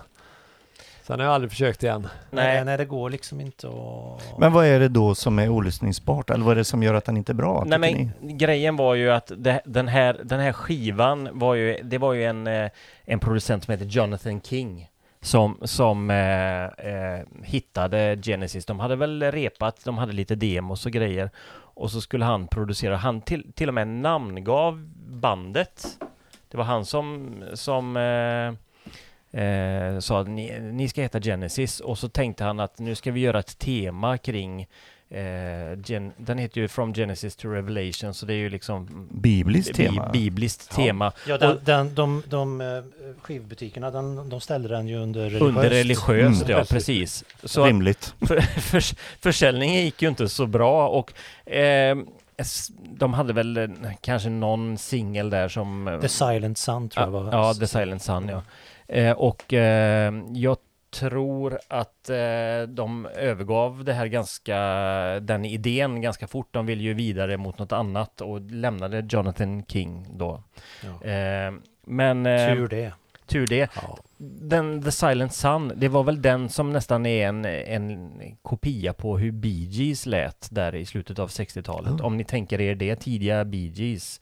Så lys- lyssnar man på den så, så hör man ju kopplingar helt klart. Och stråkar och smörigt. Men sen när de gjorde nästa skiva, Tresp Trespass, då, då märkte man ju att nu börjar de ju hitta formen. Med låten The Knife. Ja. Där, där började det ta sig. Och sen Mm. blev det ju ännu bättre när Phil Collins och, och eh, Steve Hackett kom med på tredje skivan. Absolut. Men Trespass är inte dum En alltså. Trespass är också Ja, den, bra. den, eh, den funkar. Ja, den Ja. kan man lyssna på. Ja, Men, men eh, eh, riktigt bra blir det på, på uh, Nursery Crime. Mm. ja, verkligen. Jag har ingen koppling till Genesis alls. Nej. Men du har mycket att upptäcka. Ja, Men du har, troligen. Där tog det slut. Troligen har jag det. tyst, det så tyst har det inte varit på hela kvällen. Nej.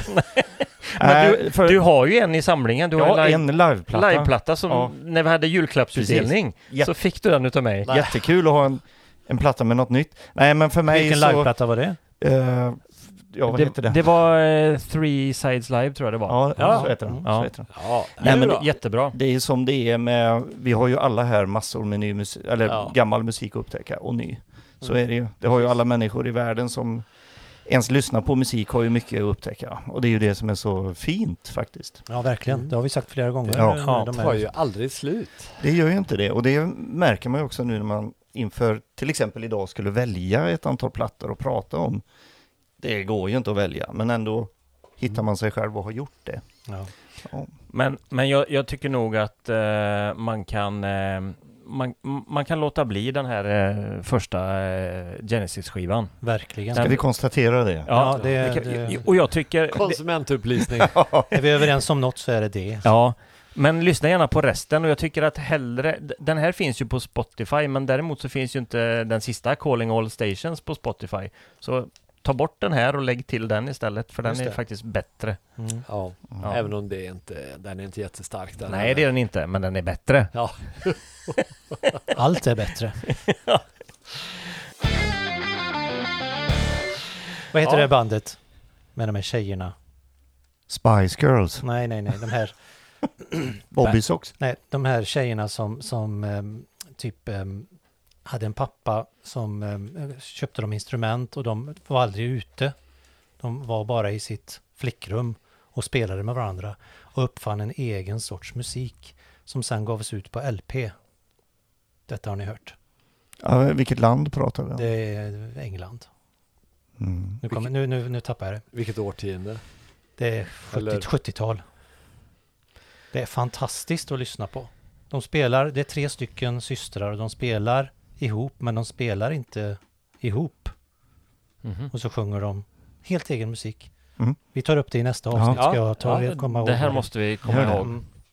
Varför pratar vi om det? Jo, för till och med det är bättre än Genesis Re- Ja. Re- Revelation. Okej. Ja, jag vill göra en liten tribute till Mm. mm. Jocke som inte är här. Ja. Han hade säkert haft med sig eh, kanske eh, Sex Pistols. Ja, jag tror att han har haft med sig den här. Jag kommer Den att nämna den sen för Jock och Jockes vägnar. Kanske även denna, Kanske. eh, som jag tycker är en fantastisk debutplatta. Det här är, Är det en Joke? riktig käftsmäll. Eh, på samma sätt som Van Halen, fast på ett helt annat sätt. Mm. Eh, Killing Jokes debutplatta, som bara heter Killing Joke. Vilket år?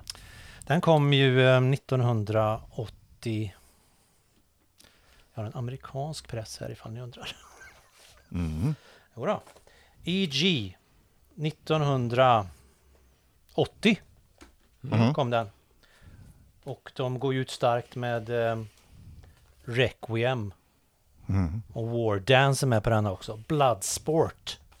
The Wait är med här också. Det här är fantastiskt brutal postpunk.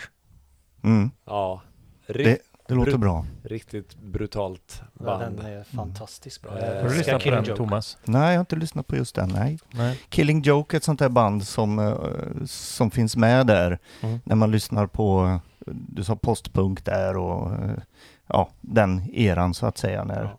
Efter De de är väl lite mm, i samma genre som kanske mm, Bauhaus lite kanske. Mm. Sådär. Ja, okej. Lite brutalare. Men deras skivor är ganska varierade.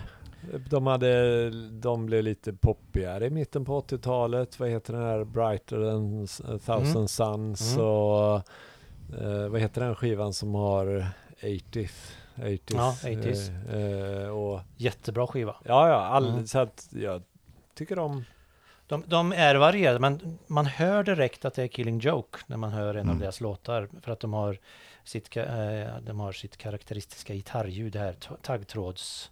Mm. Eh, Mm. Och mycket pukspel och, och även eh, den karaktäristiska sångstilen. Namnet från en Monty Python-sketch, är det så? Det vet, vet The Killing jag. Joke? Jag kanske- tror det. Vad, vad handlar den sketchen om? The Killing Joke. Okej. Ett skämt. Så Som alla som hörde det dog. Okej. Ja, det låter ju som Monty Python. Killing Joke helt enkelt. Men hur, hur var det med sångaren eh, Jazz Coleman heter han va? Ja, eller bra. heter, för han lever väl eller än. Eh, Var det så att han drabbades av lite eh, drogrelaterad förvirring och flydde till Island? Eh, Jag vet att han har varit på Island. Ja, men jag har läst någonstans att han flydde dit för att undkomma de onda andar. Och, och, och Jaha. lite sånt. Det är Eh, ju inte omöjligt. Han är väldigt spirituell och väldigt... ehm, han är inte så ödmjuk. Nej, han var inte så förtjust i... Nej. Han tyckte ju att... eh, I vad då? Nu dunkar du på bordet här. Vi fattar Han var inte så förtjust i bord. Nirvana, Nirvana. till exempel. Nirvana. Han Okej, tyckte ju okej. att... eh, Ja, ja, de snodde ju... de eh, snodde ju. Ja, mm, de snodde ju 80s till sin eh, låt. Bleach?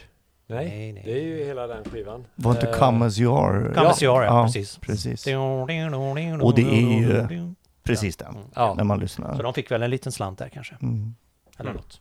Så han hade råd att åka till Island, för det är rätt Ja. dyrt tror jag. Ja, det är det.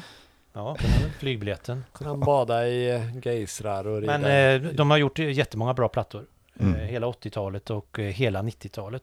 Bara bra grejer. Jag tror jag känner igen om jag lyssnar på dem, men det Mm. ringer ingen klocka nu. Nej. Jättebra. Mm. Tack. Jag gillar det. Bra tips. Ja, väldigt bra. Very good.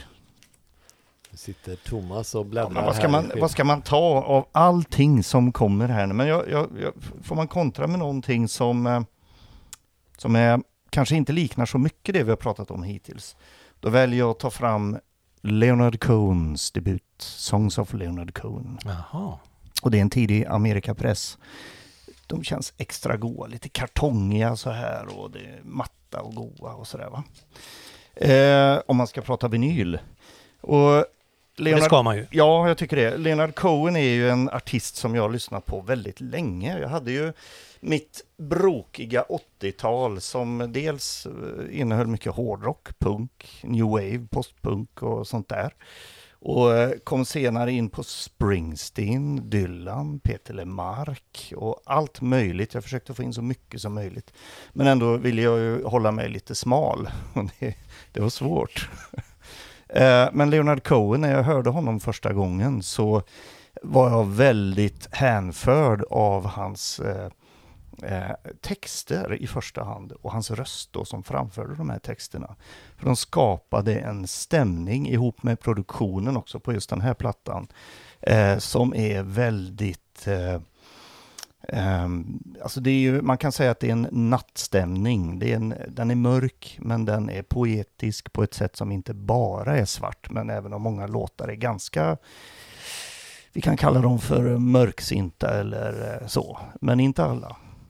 Och eh, som artister som, eh, det, det är ju det där hur mycket man lägger märke till och tar, tar till sig texter när en låt består av så mycket mer i allmänhet. Så kan jag ändå säga, han eh, var ju poet från början eh, från Kanada och hade gett ut en hel del eh, eh skrivverk eh, och sådär. Och ehm, böcker, ganska flitigt publicerade där. Men det var ju någon som tyckte att varför sätter du inte din röst och sjunger de här låtarna, gör lå eller texterna, gör låtar av dem. Men då eh, sa han ju det, han var ju väldigt eh, ödmjukt inställd till sin egen talang där, att nej, nej, nej, jag kan inte sjunga, jag kan inte spela gitarr eller något annat om ni föreslår det, utan nej, men då kanske andra kan få göra det som, som du, välj någon som kan göra detta. Och då var det faktiskt ett par personer som eh, eh, en kvinna bland annat, hon heter Judy, jag måste jag nästan kolla upp vad hon heter, så jag inte glömmer bort. Säger fel. Det är inte samma Judy som vi pratade om. Förra Ju-. Judy Judy. Sill? Sill. Nej, det är det inte. Nej. Det är det inte. Nej. Judy Collins heter hon ju förstås. Ja. En, ja, eh, det är ju, hon har ju gjort mycket skivor hon. Ja, Mm. precis. Det är Judy Collins de umgicks väl i kretsar. Jag, det sägs att de var vänner och sådär, jag vet inte. Men på något sätt. Så hon spelade ju in Suzanne, som är kanske Leonard Cohens, eh, ett av hans största, Mm. mest kända eh, nummer eller låtar så. Eh, Den är ju från debuten här också. Men sen blev det ändå så att han lyckades han övertalas, han lät sig övertalas till att ändå faktiskt spela in de här, några av de här, göra låtar av dem helt enkelt och spela in med musiker och alltihopa. Det är inte bara han och gitarren. Och jag tycker alla låtar är förbaskat bra på den här. Eh, och Susanne är ju, eh, alltså hans texter målar ju bilder som är, eh, för mig matchar soundet och ljudet och hur de väljer att producera det. Och hans röst eh, framför ju de här låtarna fantastiskt, texterna då. Eh, men det är en låt som heter The Stranger Song som jag tycker är speciellt bra. Vi har Stories of the Street, vi har Teachers och vi har eh, många, många bra på den här. Det är en, en klassiker som eh, jag håller högt. Jag har nästan alla hans plattor hemma, det är några av de senaste som jag Sa du vilket saknar. år det här var? 67 tror jag det var. Ja, så tidigt. Ja. Ja. Det är lite kul med att du nämner Judy 67. Collins. Mm. För um, hon hade ju en egen karriär och s- var ju väldigt framgångsrik på den tiden. Kanske inte har överlevt så mycket hit, hit till våra dagar. Men hon var, hade ju en roll mycket som att eh, ta fram nya talanger och stötta Ja. folk mycket i den eh, singer-songwriter-traditionen som var. Mm. Ungefär som eh, Mamma Cass i Mm. mm. Mammas and the Papas. Just det. Mm, just det. Eh, Förde ju ihop till exempel eh, jag vet det, Crosby, Stills och Nash och hade mycket att göra Mm. med eh, musiklivet i, i Los Angeles. The där. Valley. Ja, precis. Och Judy Collins är ju var en sån figur också. Just det. Som inte kanske får så mycket cred. Nej, precis. Och han, eh, han är ju från Kanada, Leonard Cohen, men eh, flyttade ju sen till eh, Kalifornien och var inte helt utanför de där kretsarna misstänker jag. Men eh, hela hans karriär tycker jag eh, är, kantas ju av eh, fina nummer och olika sound, olika ingångar och sådär. Men hans poesi Mm. är ju en eh, röd tråd genom alla hans. Han plattor. levererar ju ända till slutet. Sista. Den sista skivan är, Den är svinbra. jättebra och Ja. jag tycker den uh, You Want, You Want It Darker är en Mm. av hans bästa låtar. Ja, Precis. den är, och det är ju som Gud fader själv. Ja. Mm. Hans röst bara mullrar. Det är verkligen med en fot i graven när han spelar in den här låten. ja. Så mäktigt. Ja, och jag hade, fick möjligheten att se honom eh, 98. Såg jag honom i Skandinavien, men det var bedrövligt bra. Han levererade till sent i sitt liv kan jag säga. Ja. Ja. Man kan göra en eh, väldigt fin koppling. Låten The Sisters of Mercy från eh, debutplattan här eh, sägs ju ha inspirerat ett brittiskt gäng. Ja, men precis som Thomas säger att eh, Andrew Eldridge var ju ett stort Leonard Cohen-fan och eh, så eh, hans låt gav ju namnet till bandet The Sisters of Mercy. Och eh, så jag kan bara nämna lite kort att eh, First, Last and Always är ju deras debutskiva. Men det, de hade ju släppt en drös med maxisinglar och singlar, Alice och Temple Ja, ja. of Love och haft Mm. eh, flera. Reptile eh, House. Ja, Det var en sån maxiband för mig, liksom. Ja. maxisinglar överallt. verkligen. Så eh, när den här kom, det var väl egentligen början på slutet på den eh, eran. Wayne Hussey slutade väl ganska snabbt efter den här skivan hade släppts. Så, sådär. Vilket år kom den? Det här kom 85 85. Mm. och då första Sisters EPn eh, kom väl 80 eller 81. Men då kanske det är svårt att bedöma den som en debutskiva. Ja, det är ju det. Den står ju som första album, men första skiva. Men de Exakt. gjorde två till sen efter va? Floodland och... Ja, de hade, sen hade de ju något som hette Sisterhood, som, Ja, eh, som Andrew Aldrich eh, spelade in eftersom han låg i tvist om namnet med eh, Wayne Hussey. Men han vann ju den twisten, eller twisten kanske man säger, Konflikten. och eh, spelade då in Floodland och eh, den lite rockiga Vision Thing. Ja, just det. Ja, Men de är också bra, på ett ja, annat ja, sätt. precis. absolut. Låter ju annorlunda kanske, men Ja, de jag gillar bra. dem. Tunga. Ja, ja, ja, jag tycker nästan Bra producerad. More, en sån låt jag gillar. ja. Och många Bra, bra röst har han också. Ja. Väldigt bra röst. Bra band. Men har de en bra trummis? Lars, du som är trummis. Jättebra trummis, taktfast. Väldigt taktfast. Trogen och lojal. Ja, krånglar aldrig. Billig också. Dr. Samma Avalanche. trummis som eh, Jesus and Mary Chain tror jag. Ja. Ja. Det kan ju vara en koppling faktiskt, men vi låter Tabbe komma före här. ja, det tycker jag. Ja, Eh, för Judy, att Judy Collins och Mamma Cass. eh, Mamma Cass Mm. och då tog ju du, både du Lars och jag upp eh, samma skiva här. Crosby, Stills and Nash debutplatta. En riktigt fin En riktigt, debutplatta. riktigt fin debutplatta. Vad kan man säga om den? Man kan ju säga att de led ju inte av att de var ovana vid studio. Alla de här tre hade ju karriärer före de eh, sammanstrålade, så de var ju Mm. vana vid att utnyttja studion. Mm. Vilket år pratar vi här? 60... 69 Mm. Ja. Kom den. Ja. Och sen efter eh, 70 kom ju den fina Deja Vu med den, Jättebra. när eh, Neil Young är med också. ja, ja, så han var Mm. inte med från början. Nej. Nej, Nej, inte på den här. eh, de eh, vet inte, de hade dåligt självförtroende så de kände att de var tvungna att ta in någon ytterligare figur. Mm. Mm, sen var väl, han var väl med på några till och från och det Ja. har väl varit, Mm. ja, inte konsekvent hela tiden. Nej, Han hade ju inte dåligt självförtroende, Neil Young. Nej, Nej verkligen inte. men den här trion har ju gjort några skivor själv senare också. Ja, det finns ju en som också heter Crosby, Stills Nash som kom lite senare. Den med eh, segelbåten. Den är Mm. också jättebra. Ja, just det. Mm. Men Den här är ju otrolig från början till slut ja, verkligen. med sina fina låtar. Här hade jag texthäfte också i min. Oj, vad fint. Och fint eh, konvolut också. Ja, Fina var- bilder. Ja. Tidiga utgåvor ni har bägge två tror jag, Gatefold och allt. Ja, och en amerikansk tror jag. ja, det har jag med. Den här. Sweet Judy Blue Eyes, den är ju jättefin. Go Anywhere är ju fantastisk. Wooden Ships, Ja, just det. 49 Bye Byes är också jättebra. Mm. Bra, bra platta rakt igenom tycker jag. Ja. Mm. Jag upptäckte Crosby, Stills Nash för några år sedan. Då när jag började köpa vinyl igen. Mm. Eh, då var de ett sånt band som eh, jag fastnade för och köpte på mig rubbet. Och tyckte det var fantastiskt. Jag hade knappt hört dem förr. Jag vet inte varför jag inte hade upptäckt Mm. dem tidigare. För det är ju jättebra. Ja. Fantastiskt band. Plågade av inre slitningar och, Mm. och mycket knark och det här gamla vanliga som vi pratar om. Stackars musiker. Ja, det är inte lätt.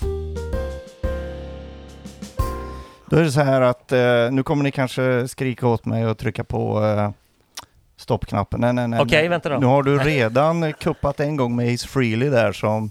ja, han, jo men vi var ju överens om att det var hans debutplatta. Men jag tycker det var snyggt. Ja, tack så mycket. Jag tyckte Här, kom, här, kommer, värdigt. här kommer en till då.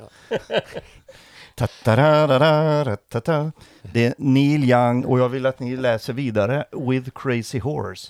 Everybody knows this is nowhere. Och detta är ju samma år va? Det är väl 69 tror jag. Ingen reagerar. Det är inte hans första platta, Nej. utan hans första platta hette Neil Young. Ja, så det är den första med Crazy Horse. Yes, eftersom de har gjort så många plattor efter det ihop och eftersom de, när Neil Young fanns på Spotify, han är ju som bekant bort, kolla han har ju tagit bort sig själv därifrån i stort sett helt och hållet, så var det ju uppdelat i två eh, kategorier, eller två, som två artister helt enkelt. Neil Young och Neil Young och Crazy Horse. Och sen har väl Crazy Horse en egen Ja, karriär också? Det har de också. Mm. För säkerhets Och skull. det är ett band som hette, jag tror de hette The Rockets eller så innan. Mm. Och Neil Young som vi var inne på med Crosby, Stills and Nash här, han hade ju gott självförtroende och eh, Buffalo Springfield var ju ett band som han eh, var med i så att säga ihop med, vi pratar om The Valley kallar vi det lite här, men just Kalifornien i slutet, mitten och slutet på 60-talet och musikrörelsen i och utanför staden där eh, var ju väldigt många som eh, umgicks och det gjordes cross-grejer hela tiden. Och, Och Joni Mitchell satt och sjöng mitt uppe i Ja, alltihop. Mm. visst vet du. Och det, det måste ju varit fantastiskt på många sätt och Ja, ja, firat, visst. Firat semester där. Men eh, Frank Han- Zappa bodde där också. ja, precis. Eh, var väldigt kreativt kan man ju tänka sig. Eh, den här skivan är ju en eh, på många sätt fantastisk Neil Young och Crazy Horse-platta. Han eh, eh, hade ju redan med sig någon, eller ett par stycken, kanske någon av dem i alla fall, eh, på sin debutplatta och gjorde någonting där vet jag. Men det var ju här som han så att säga plockade ihop och nästan tvingade bandet, eh, vad de nu hette, The Rockets, att vara hans band på nästa platta. För det var ju precis så han ville att det skulle låta. Mm. Eh, och då blev det den här, och han hade ju varit sjuk också. Han hade ju varit sjuk en period och haft väldigt mycket och väldigt hög feber i perioder. Eh, och det sägs, det kan man läsa om, och även i hans, en av hans biografier, att flera av låtarna på den här skrevs i feberdimmor, eller i alla fall att idéerna kom. Eh, Cinnamon Girl till exempel, som inleder Mm, plattan. är ju- Fantastisk. Ja, ikonisk Neil Young-låt som har tolkats av många och som, eh, alltså, ja, jag tycker bara, det finns inget annat att säga än att det är fantastiskt. Everybody knows this is nowhere, nästa låt också, och så Down by the river Oj, oj, oj. mm. är ju med på den här också. Och den eh, sägs också ha skrivits i de här dimmorna, de här märkliga tillstånden han lär ha varit i. Och även då sista låten, Cowgirl in the Sand. Mm. Alltså Down by the River och Cowgirl in the Sand, långa episka låtar med alldeles för mycket underbar gitarr och eh, jamkänsla och eh, det är det jag Mycket älskar bra. med Crazy Horse. Mm. Jag gillar Neil Young på så många sätt, men han är med Crazy Horse, jag har sett dem två gånger. Ehm, bara sett Neil Young två gånger, men det har varit med Crazy Horse båda. Det är fantastiskt och sist jag såg honom 2014 i Stockholm Mm. Så eh, drar han ett e-moll i sista låten, sista encore. Och, så, och då är det antingen Rockin' in the free world eller Down by the river. Och då så säger han det, which one do you want? och det blev Rockin' in the free world. Men det gjorde inget för det var en Nej. jädrigt eh, mäktig avslutning. Eh, men bara kunna säga så, alla vet. liksom. ja.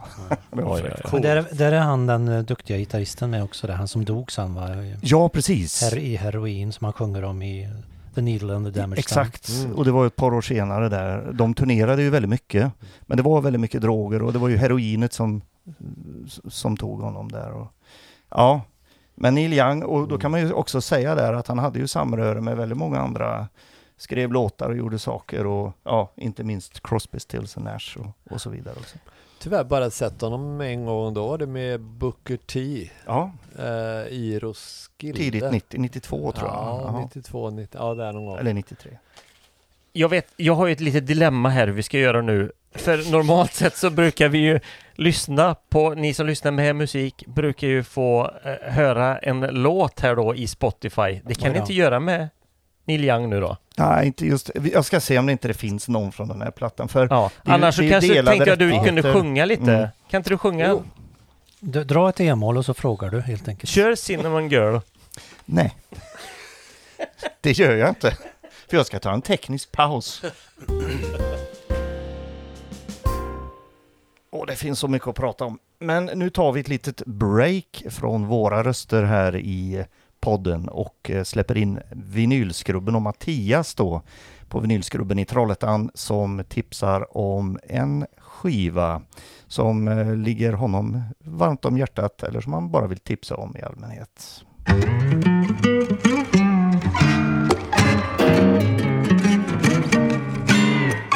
Vinylskrubben. Tipsar då var det dags för vinylskrubben tipsar igen. Och eh, den här gången så hade jag tänkt att eh, prata lite om James Timothy Tim Hardin. Eh, och det är en kille som eh, för många är nog mer känd för sina låtar än som eh, person. Eh, han Uh, röva sig i landskapet eh, eh Towns Van Sant, eh, Nick Drake. Eh, och eh, eh, skivan jag tipsar om, det, det är en best of er det. Men där, det finns inte en dålig låt på den. Och eh, med titlar som eh, How can we hang on to a dream? If I were a carpenter. Så eh, If I were a carpenter så är det nog ett gäng som har gjort cover på den låten. Och uh, How can we hang on to a dream har inte mindre än 17,5 miljoner lyssningar på Spotify. Men uh, om man hade frågat vem Tim Hardin är så hade nog ingen kunnat berätta att det är han som har skrivit låten. Uh, det kom en ganska fin dokumentär, inte om Tim Hardin men Karen Dalton. Eh, också ganska en fantastisk eh, låtskriverska. Eh, eh, som flyttade ut till en stuga någonstans i USA eh, på landet. Eh, och eh, ryktet sa att eh, Tim Hardin ofta var där på besök. Tragiskt nog så gick han bort i en heroinöverdos 1980. Men eh, musiken lever kvar. Och eh, för inga pengar alls så får man en fantastisk skiva.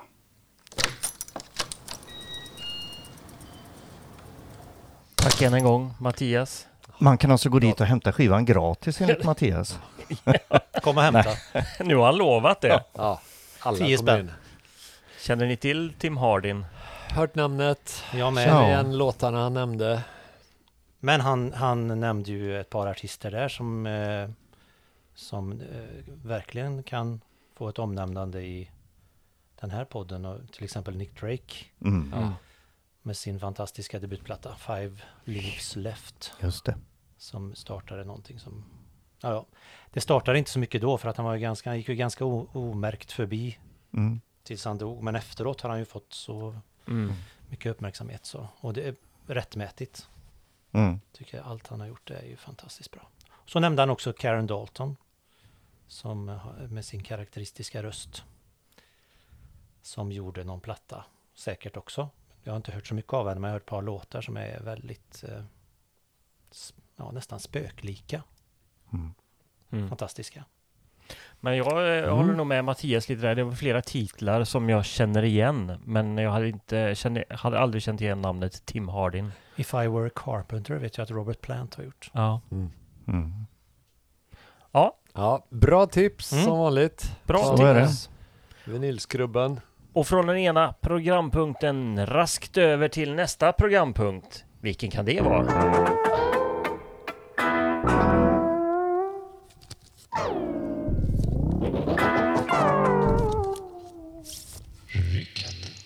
Ja, och vi hade ju lovat att Lars skulle rycka med sig en skiva. Ja, Mm. Och det har du gjort. det gjorde jag. Jag, gick, eh, jag gjorde som man ska. Ja, Jag eh, blundade och eh, trevade mig fram till min skivhylla och ryckte ett alster från, från den som jag sen gömde i en påse och la i en annan påse så att jag inte skulle av misstag se vad det var. Snyggt förseglat. Här har jag en snygg skivpåse från Belgrad. Oj, den var jättetjusig. Mm, fin. Så här är min skiva som finns, återfinns i rycket idag. Och då vet inte någon utav oss här inne i rummet vad du har ryckt. Nope. Nej, inte Nej, ens Lars inte jag. alltså. Nej. Alltså, vet inte du själv det Lars? Nej. Det, det är så? Ja, ja. Man ska göra det från grunden. Ja, Så, har jag fått rätt. lära mig. Han Ja. gjorde rätt. Du gjorde Han kan ta instruktioner. Menar du att det finns någon som inte har gjort det innan? Kan finnas någon i rummet. Mycket bra. Ingen nämnd, ingen glömd. Nej. Men Lars, du får bestämma här nu. Hur ska vi fördela det här med eh, sid... eh, Vem väljer sida och vem väljer spår? Ja, det är... Mm, nu ska vi se. Då tar vi... eh, Thomas har ju fått eh, prata lite här nu när det var eh, vinylskrubben rekommenderar. Så då kan väl eh, Torbjörn och eh, Hasse få prova på att välja. Ja. Men då ska jag börja med sida, eller? Absolut. Eh, jag vill minnas att förra gången... Vi, hur många sidor är det? Det vet du inte heller? Nej, ingen aning. Nej. Det känns som det bara är en, men... Det Alltså inte alltså två sidor, Två, men va? en skiva. Ja. Ja, jag, sist tror jag vi tog sida två, så idag väljer jag sida ett. Mm. Bara för att få lite variation. Sida ett. Och Japp. Hasse väljer låt. Ja, men jag är nyfiken på hur man eh, kickar igång den här skivan, så jag väljer låt nummer ett. Oh, starten. Mm. Sida ett, låt ett. Mm. Okej. Det här kan ju vara den stora hitten, man vet ju Mm. inte. Då tittar vi vad det är för något då. Den brukar inte ligga först på hitten alltså. Nej. Nej. Nej, men det... det, Men- det ja, ibland. Oh. Oj, oj, oj. Snyggt! UFO Och live. UFO live. Vilket en ryck. tidig UFO. Ja, det här är ehm, UFO innan de blev stora, höll jag på att säga. De var eh, stora redan tidigt, men ja, på tal om debutplattor så eh, UFO 1 eh, är ju kanske inte så, den är lite stolpig och sådär, men det finns några bra låtar. Men sen blev de bättre på UFO 2, där de körde One Hour Space Rock, som den också heter. Flying heter den. En 26 minuters låt och en 19 minuters låt. Var Michael Schenker med då? Nej, nej, Nej, Utan här var det- innan. Här var det Mick Bolton som, som hade hand om gitarren på ett förnämligt sätt. Jättebra gitarrist. Och sen krönte de eh, sin eh, version av UFO med UFO Live som är inspelad i eh, Japan. Mm. De hade svårt att slå igenom i eh, England och USA men de var jättestora i eh, Japan, eh, Tyskland och Frankrike. Där de sålde tre miljoner plattor av de här första. Men de tyckte inte att de var framgångsrika. Mm. Så att, eh, Men det här är ett band som jag aldrig lyssnat på egentligen. Vad pratar vi om för år på den här plattan? det här är ju 71. 71. Eh, Men- och första låten eh, heter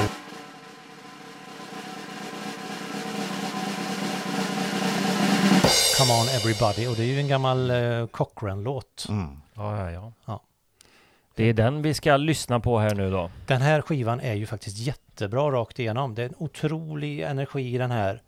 Eh, och eh, de kör ganska mycket blues, eh, nästan lite boogie rock kan man väl säga nästan på en liten del låtar. Sen har de också sin eh, egna låt Prince Kayuku. Eh, snedstreck The Coming of Prince Kayuku som börjar sida två. Eh, som är en originallåt som de har gjort själva. Eh, jättefint omslag. Ja, det var det. Väldigt Eh, eh, cool, tjusigt. cool inner-grej här också. Ja. Ehm, De har ju, de sen, men det var mycket hypnosis-omslag de fortsatte med sen va? Precis, det blev ju ett Ja. helt annat band sen kan man säga. Det blev ju lite mer ehm, straight ahead hårdrock när uh, Michael Schenker kom med. Mm. Först hade de Larry Wallis efter Mick Bolton och sen var Bernie Marston med en, litet, en liten sväng Jaså, var han med där också? innan de hittade Michael Schenker för att han var med i, i Scorpions. De var förband till UFO Mm. vid något tillfälle. Mm. Så då hoppade han med och då, sen då blev de, slog de ju igenom och fick sin karriär. Mm. Men eh, den bryr inte jag mig om, den karriären. Men det, jag är väldigt förtjust i tidiga UFO. De Mm. tre första plattorna. Du är inte så förtjust i eh, senare eller sen? Det går ju att lyssna på men jag tycker Ja. att det är lite bland sådär. Det går att hoppa över också.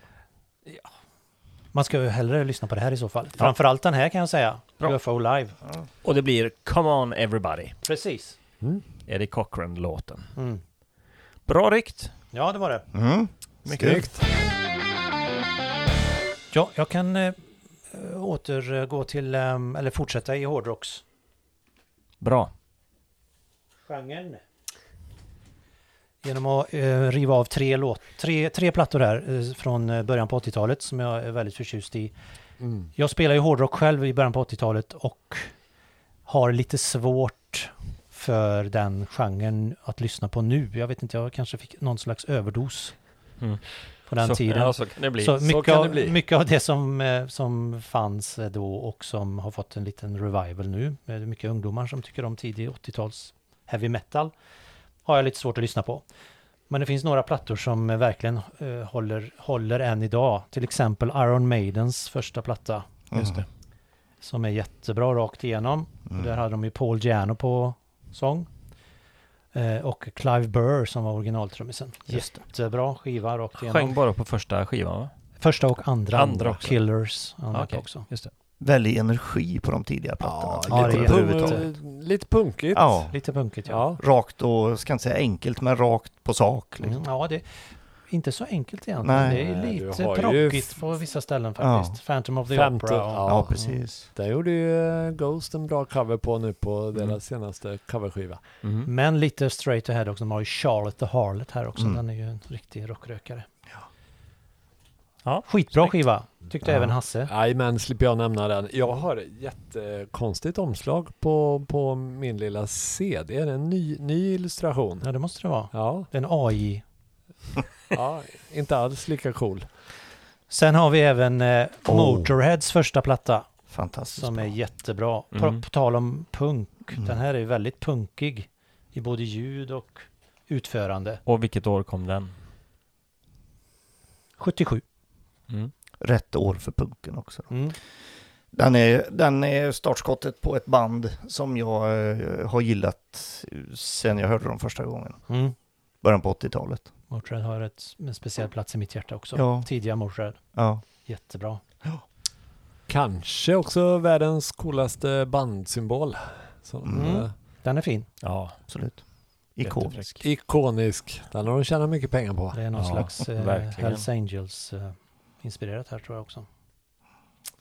Ja, ehm, vad sa vi mer om den? Ja, när man var och såg dem på Skandinavium 81, det var inte att leka med heller. Nej. Jag såg dem ett antal gånger också, men Mm. inte nu på slutet faktiskt. Jag såg dem 2015 när de var sist. Ja, okej. Det var lite både Tragiskt. deppigt och bra. Mm. Mm.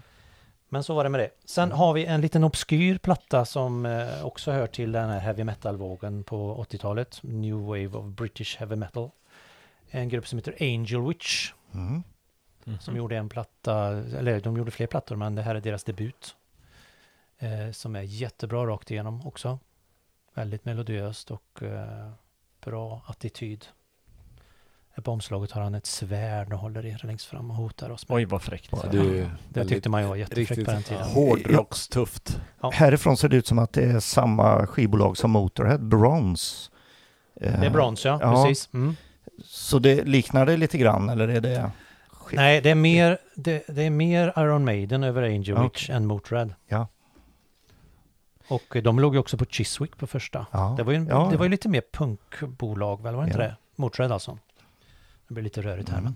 men. Ja. Ja, tre stycken heavy metal-plattor som Ja, eh, håller Angel stilen. Witch Ja, var nya för mig faktiskt. Mm. Jag hänger på där med eh, lite new wave of British heavy metal. Eh, fast det är inte British heavy metal för han bodde i USA då. Men han är ju därifrån.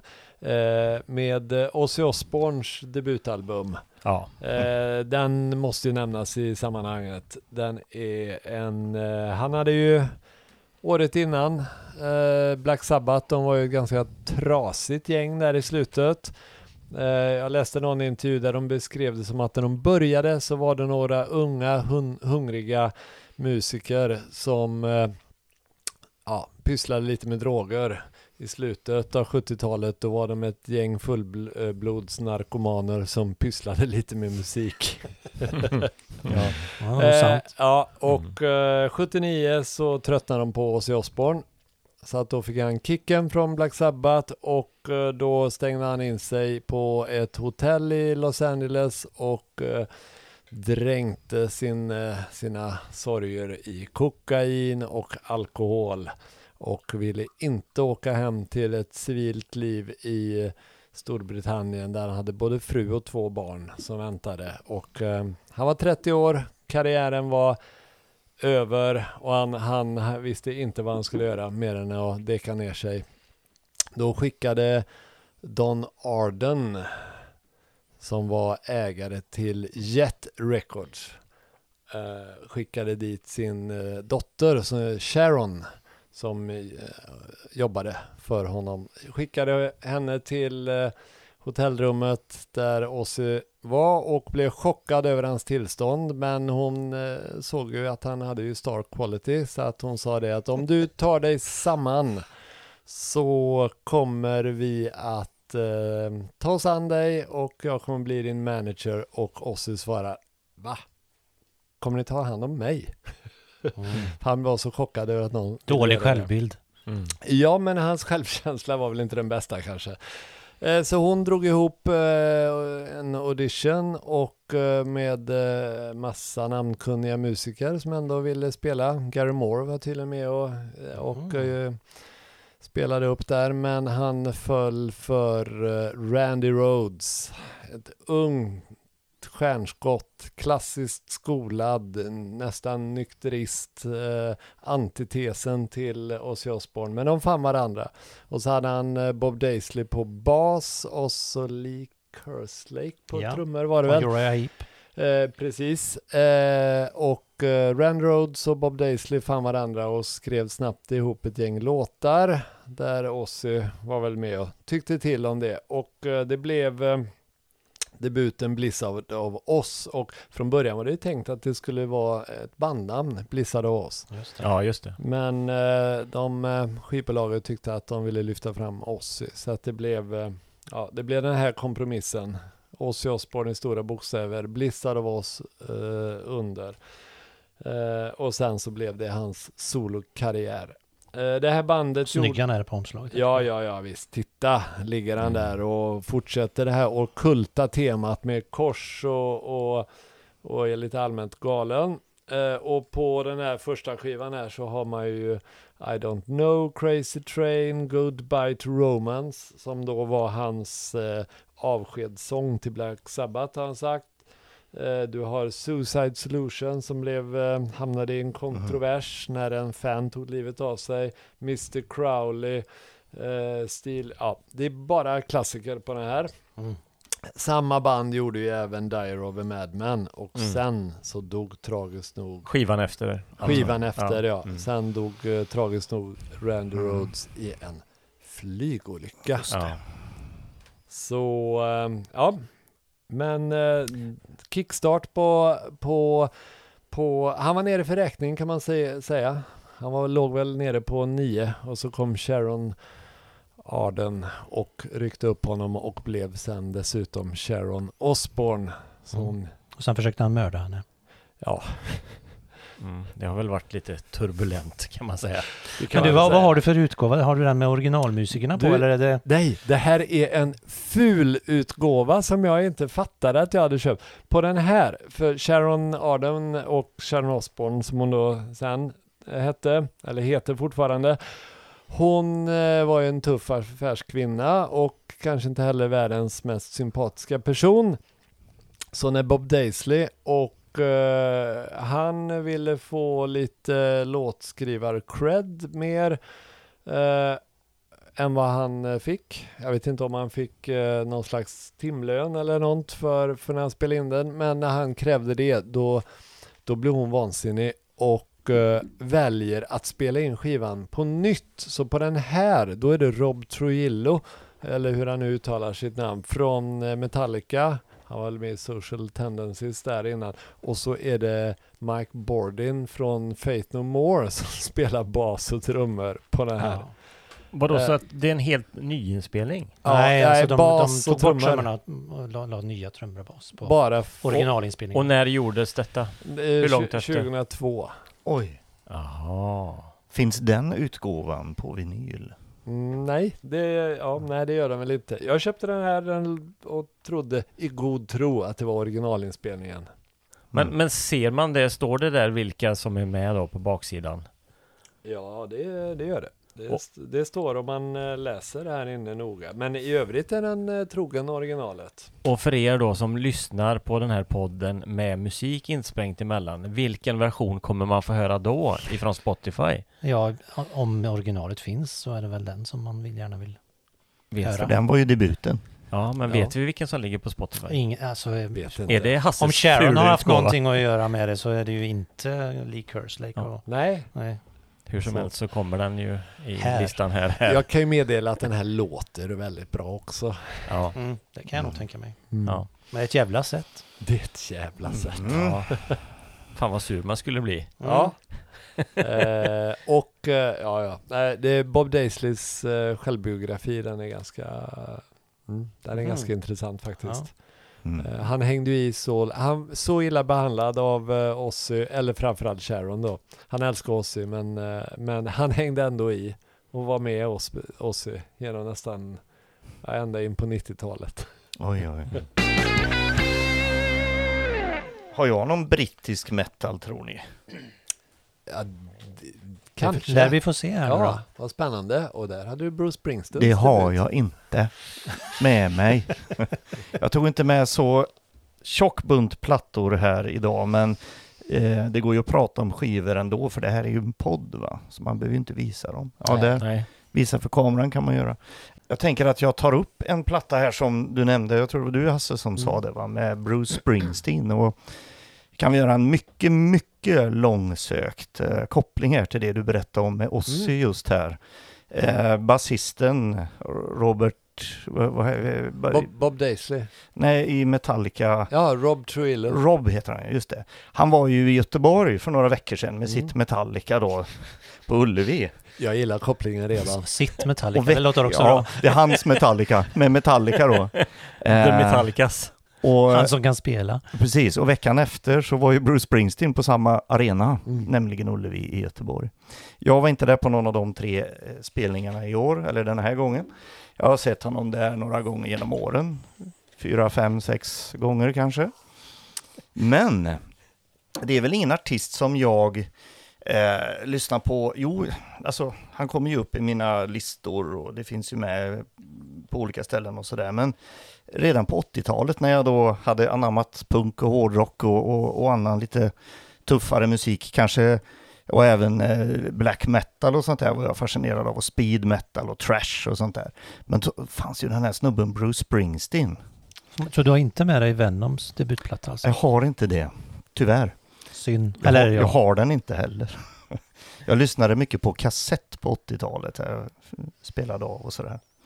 Men eh, den här första plattan som han gjorde, Greetings from Asbury Park, New Jersey.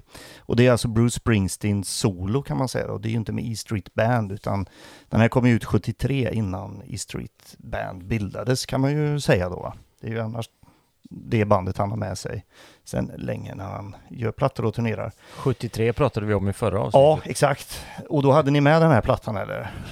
Kommer inte ihåg om vi nej, nämnde den. Jag Det hade ni inte? Nej, jag vad tror inte- passande, vad Så passande. det här är lite bonusmaterial. Ja, ja, verkligen. ja. Det en övergång Det mellan kopplar, ja, avsnitten. precis, precis. Och varför vill jag då ta med den här? Alltså, jag och min gode vän eh, Jonas Myrholm, som ju förekommer här i podden också eh, då och då. Eh, vi har ju ägnat många år tillsammans väldigt tätt. Vi fann ju varandra 82, både i musik och andra intressen. Eh, vi köpte våra första elgitarrer, bildade våra första band och ni vet alla de där grejerna som eh, är så fina att tänka tillbaks på och som man drömde om.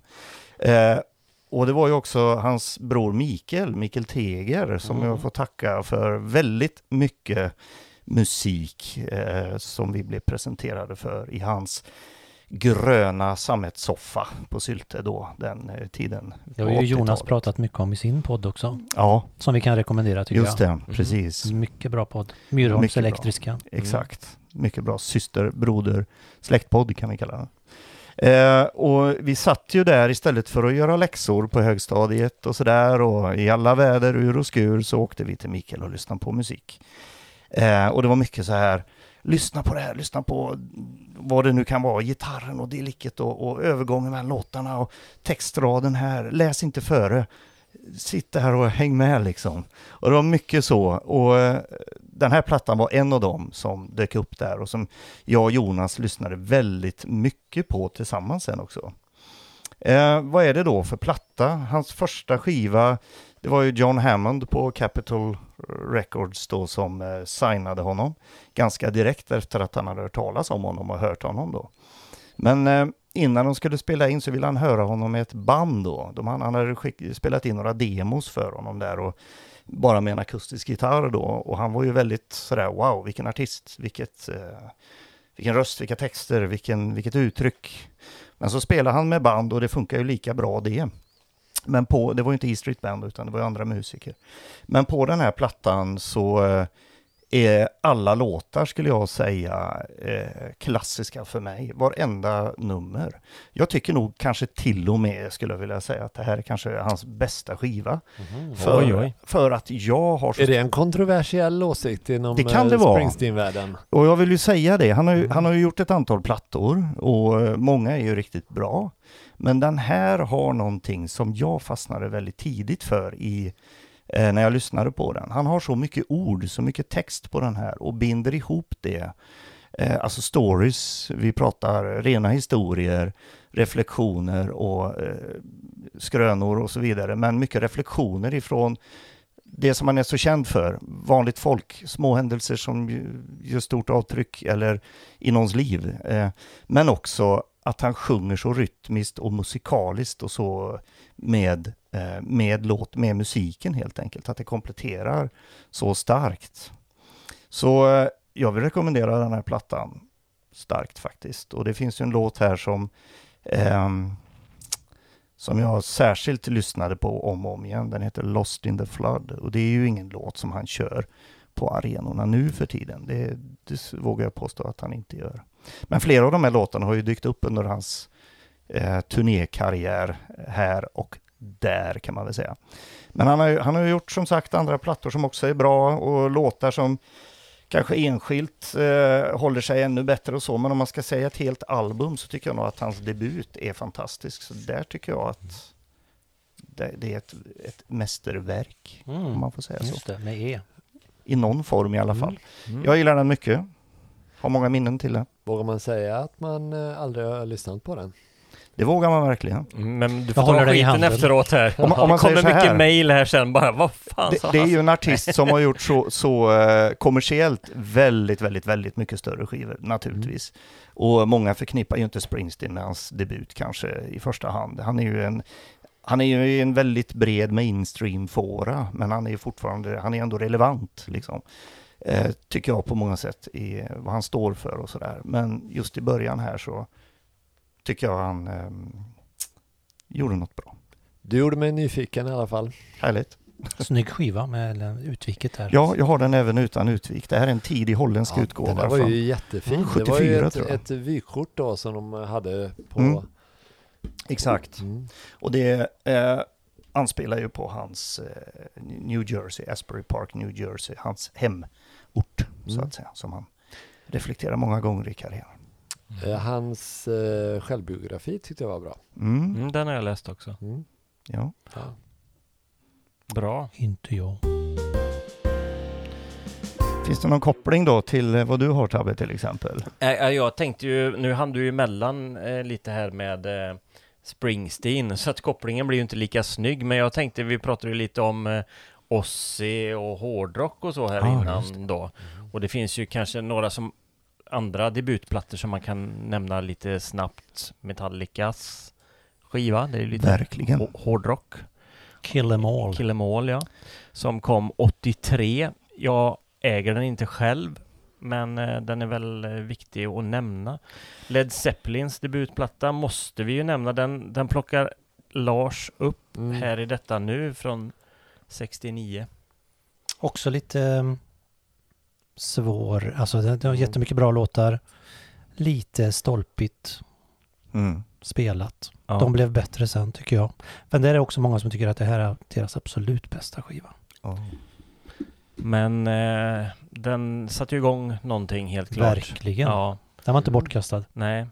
Så den är en viktig milstolpe. Och sen innan så pratade vi ju lite om eh, Deep Purple innan vi satte igång här också och att In Rock egentligen nästan är en eh, debutplatta på ett sätt för att det är den Mark 2-sättningen.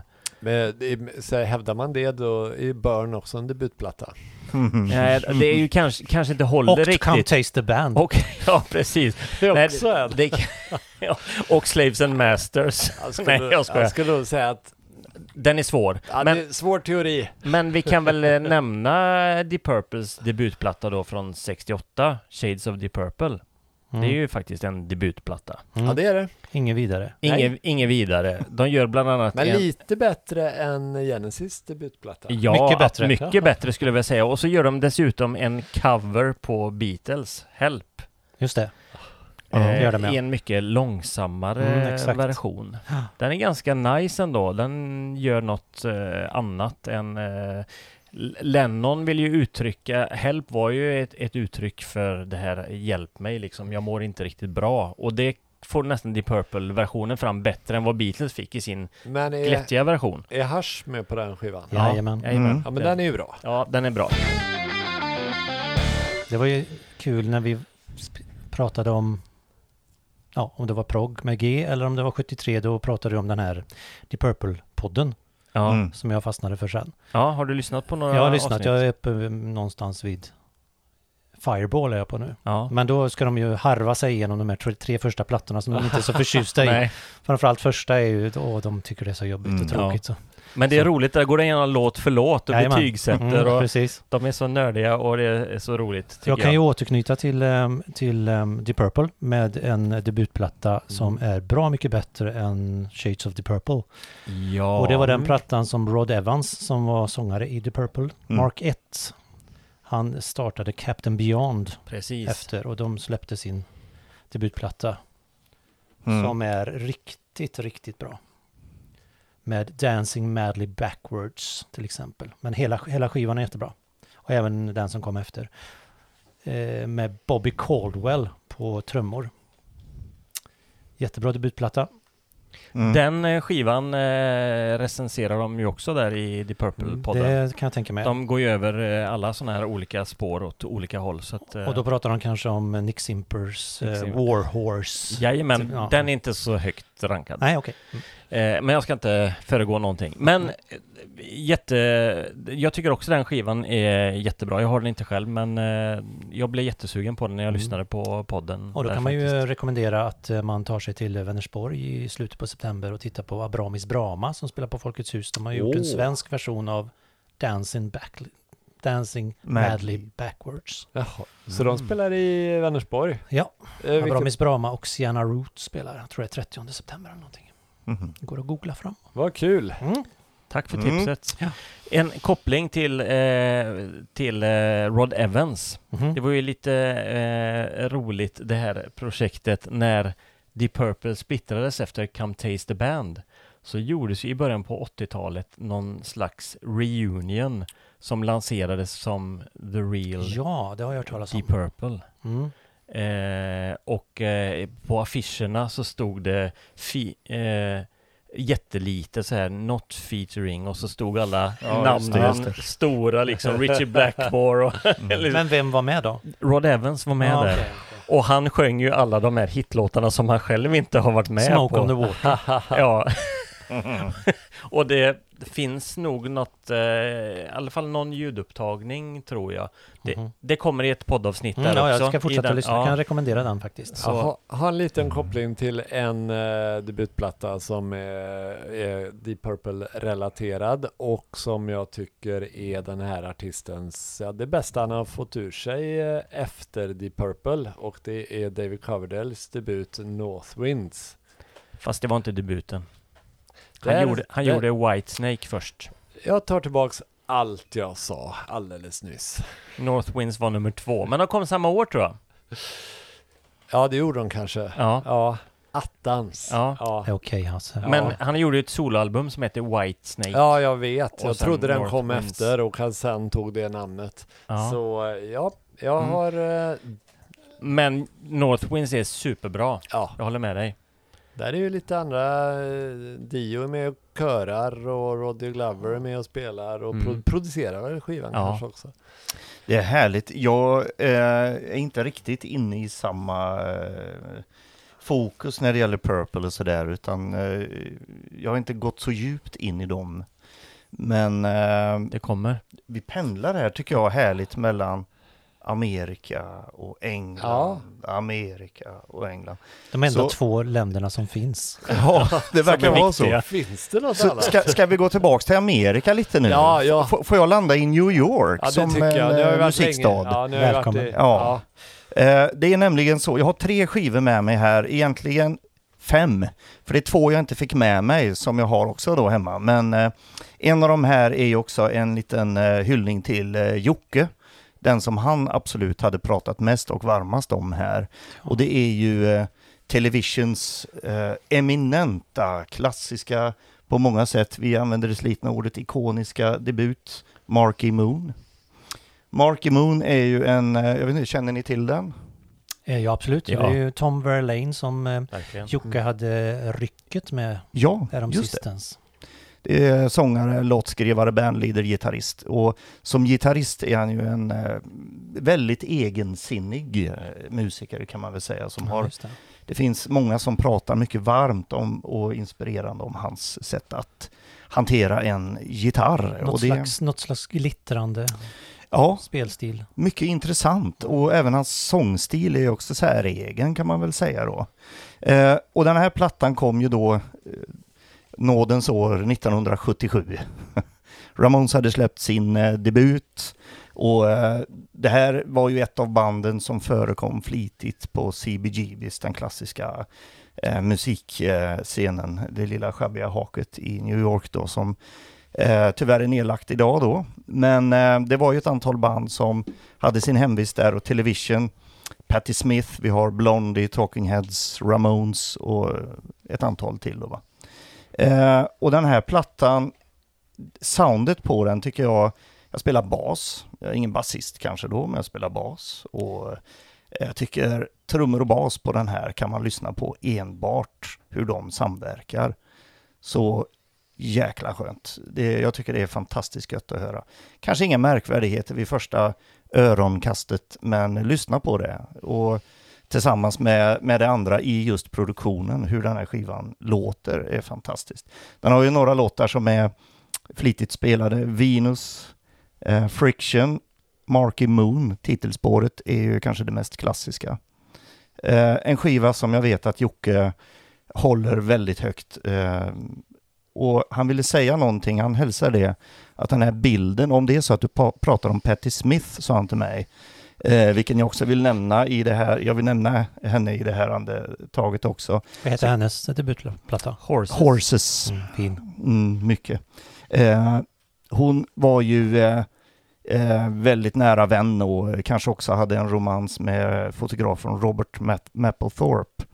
Eh, det var ett klassiskt New York-par på 70-talet och de upplevde ju jättemycket tillsammans. Skapade väldigt mycket, det var foto, han var ju fotograf då men eh, det gjordes filmer och hon var ju poet eh, och blev också sådär att men varför sätter du inte samman ett band? Och så gjorde hon det och det blev musiker och låtar och det blev Horses. De här hör ju ihop lite grann. För att Tom Verlaine då spelar ju gitarr på i alla fall någon av låtarna där. Och de samverkade ju väldigt nära genom eh, alla år och han gick ju tragiskt bort eh, här nu i eh, januari. Tom Verlaine, tyvärr förlorade vi honom. Och han, han har ju gjort skivor under eget namn i väldigt många år. Men Television gjorde faktiskt bara två stycken plattor på 70-talet. Sen tog det ända till början på 90-talet där de gjorde faktiskt en till där de återförenades då. Och jag vågar säga att skiva två och skiva tre också är fantastiska. Helt olika skivor men väldigt bra.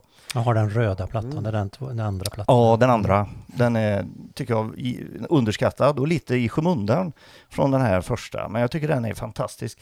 Det Jocke ville säga var att kopplingen också är att bilden är tagen på framsidan här på skivan av Robert Mapplethorpe. Mm. Men den är förvanskad av en annan konstnär. Eh, lagd i en kopiator och kolorerad på något sjukt sätt så den får den här väldigt karaktäristiska uttrycket då. Mm. Det var en hälsning från Jocke. Ja men eh, tack, Tack, Jocke. Jocke. Tack Ja. för detta. Vidare i Det här är en 180 grams nytryck. Ja, det är ny, nypress. Ja, nypress, Ja, det är ja. det. är det. Den är fin. Här har vi, jag ser också att Hasse har ett exemplar av en av de faktiskt bästa eh, debuterna från 70-talet åtminstone som Den jag, jag känner också till. Ja, den är grym. Det är Steely Dan, Can't Buy a Thrill. Vad säger du Hasse? absolut. Ja, Den har ju... ehm, Ja, den är eh, helgjuten får man väl säga. ja, och det lustiga om jag vänder blicken mot mig själv och tänker hur tänkte du nu Thomas? Men som jag sa så är jag ju någon form av eh, allknaprare och äter i mig lite vad som helst där. Så är jag egentligen inte så förtjust i det här vad vi kan kalla för slick jazzrock och, och sånt där. Eh, jag tycker jag tycker Toto till exempel som är ett så stort band, det, det, det, kan jag inte ta till mig alls överhuvudtaget. Även om musiker från Toto har varit med i Steely Dan. Men här pratar vi någonting helt annat.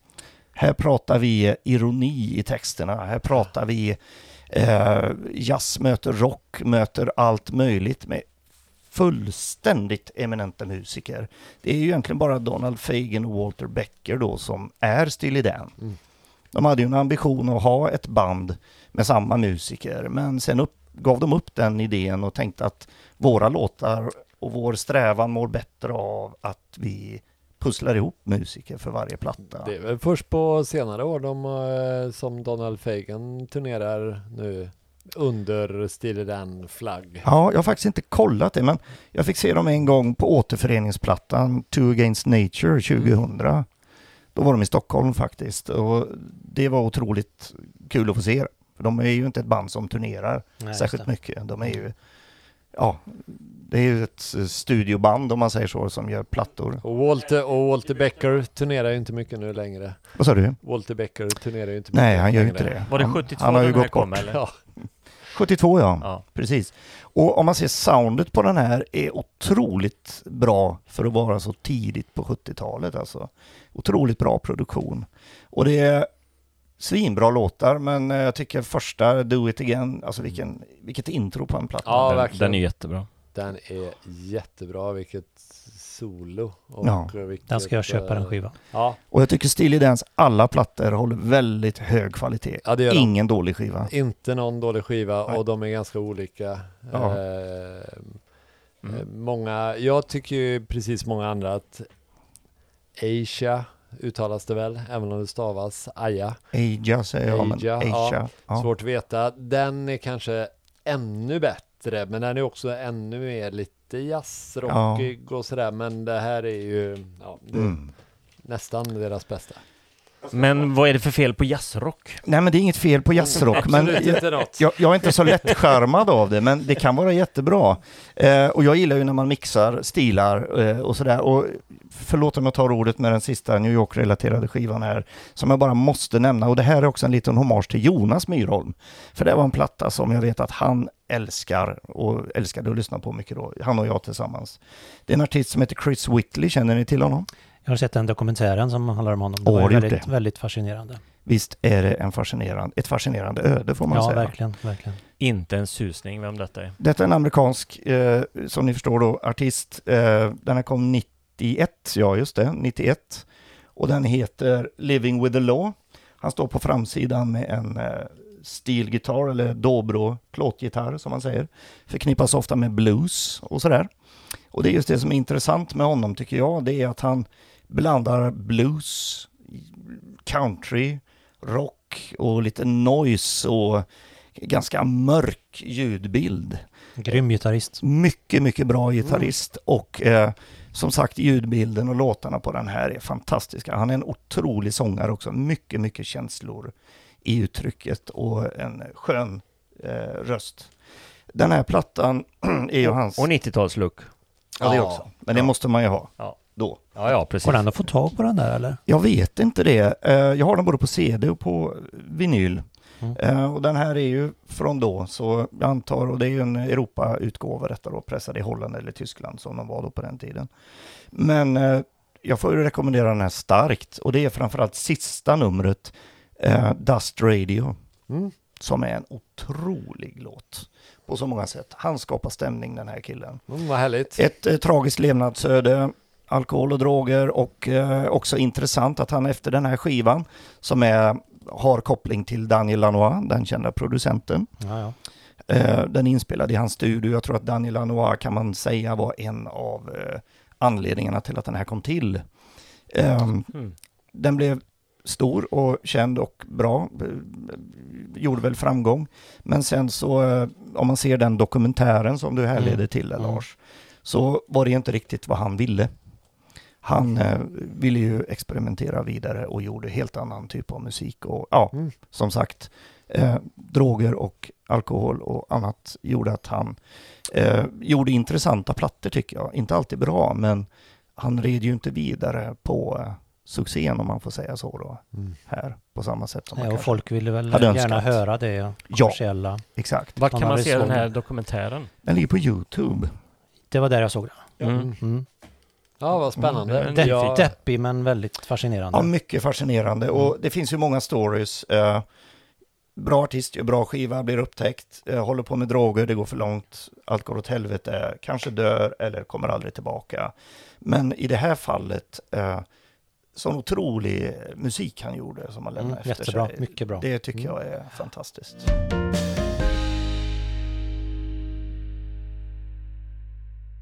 Jag gör en liten återkoppling till jazzrocken. Mm. Jag måste nämligen nämna eh, Mahavishnu Orchestras eh, debutplatta.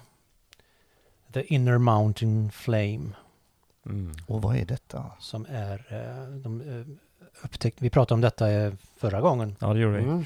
Så det kanske inte behöver göra så mycket nu, men de eh, har- uppfann ju en helt egen sorts jazzrock, fusion, hård och eh, mycket udda taktarter.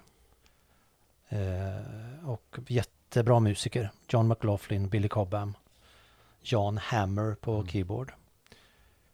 Jerry Goodman på fiol. Jättebra är det. Vad pratar vi Ja. för år på den här plattan? 72. Ja, samma år som Steely Dan då. Ja, nej, men de har ju Ja, gjort häftigt mycket band. bra. Jag kan inte eh, så mycket om dem, men det jag har Just lyssnat precis. på är ju otroligt. Och jag vet att när, vi pratade i förra avsnittet så lovade jag dig en missionplatta. Carved in Sand. Jaha, Att jag hade dubblett på den.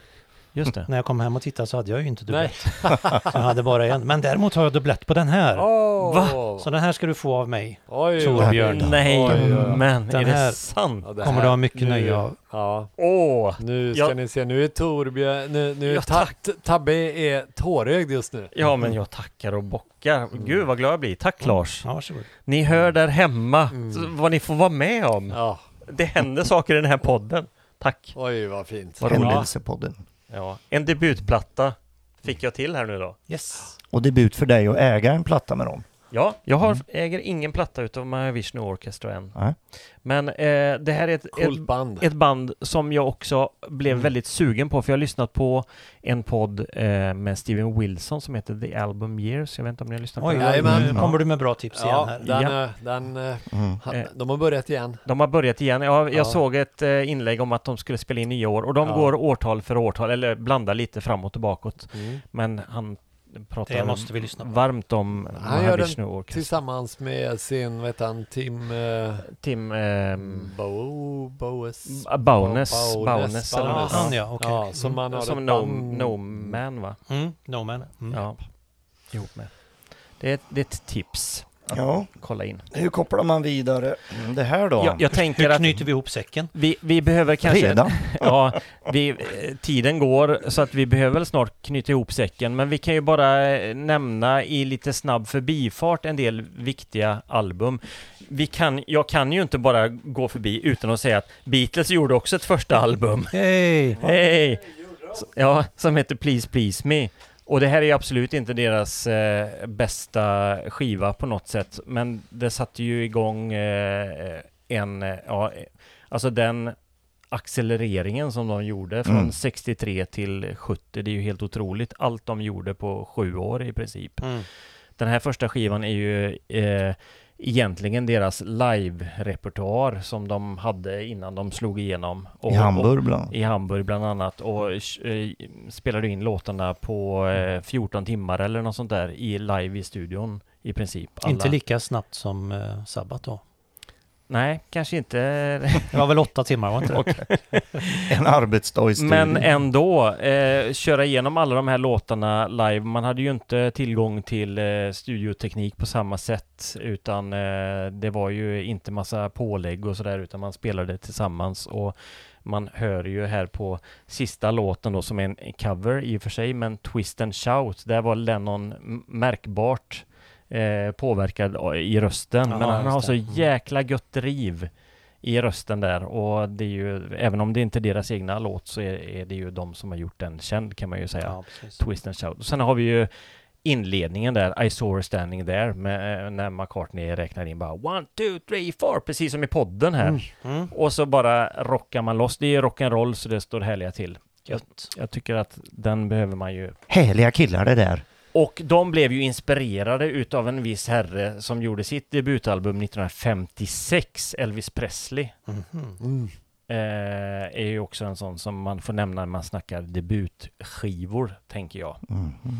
Eh, vad har vi mer för eh, Ja, vi, en, en Hasse? debutplatta vi absolut inte kan eh, komma förbi det är ju Guns N' Roses Appetite for Destruction. Det hade ju varit uh, tjänstefel att inte nämna den i en podd om eh, debutskivor. Den eh, kan man väl säga, hårdrocken och metalscenen hade ju växt sig stor, svulstig och eh, pudelaktig under, ju längre 80-talet gick. Det var uppsprejade, uppsprayade, toperade frisyrer och mycket vad var det du sa här, härom sistens? Det dumma bandet Motley Crue. Ja.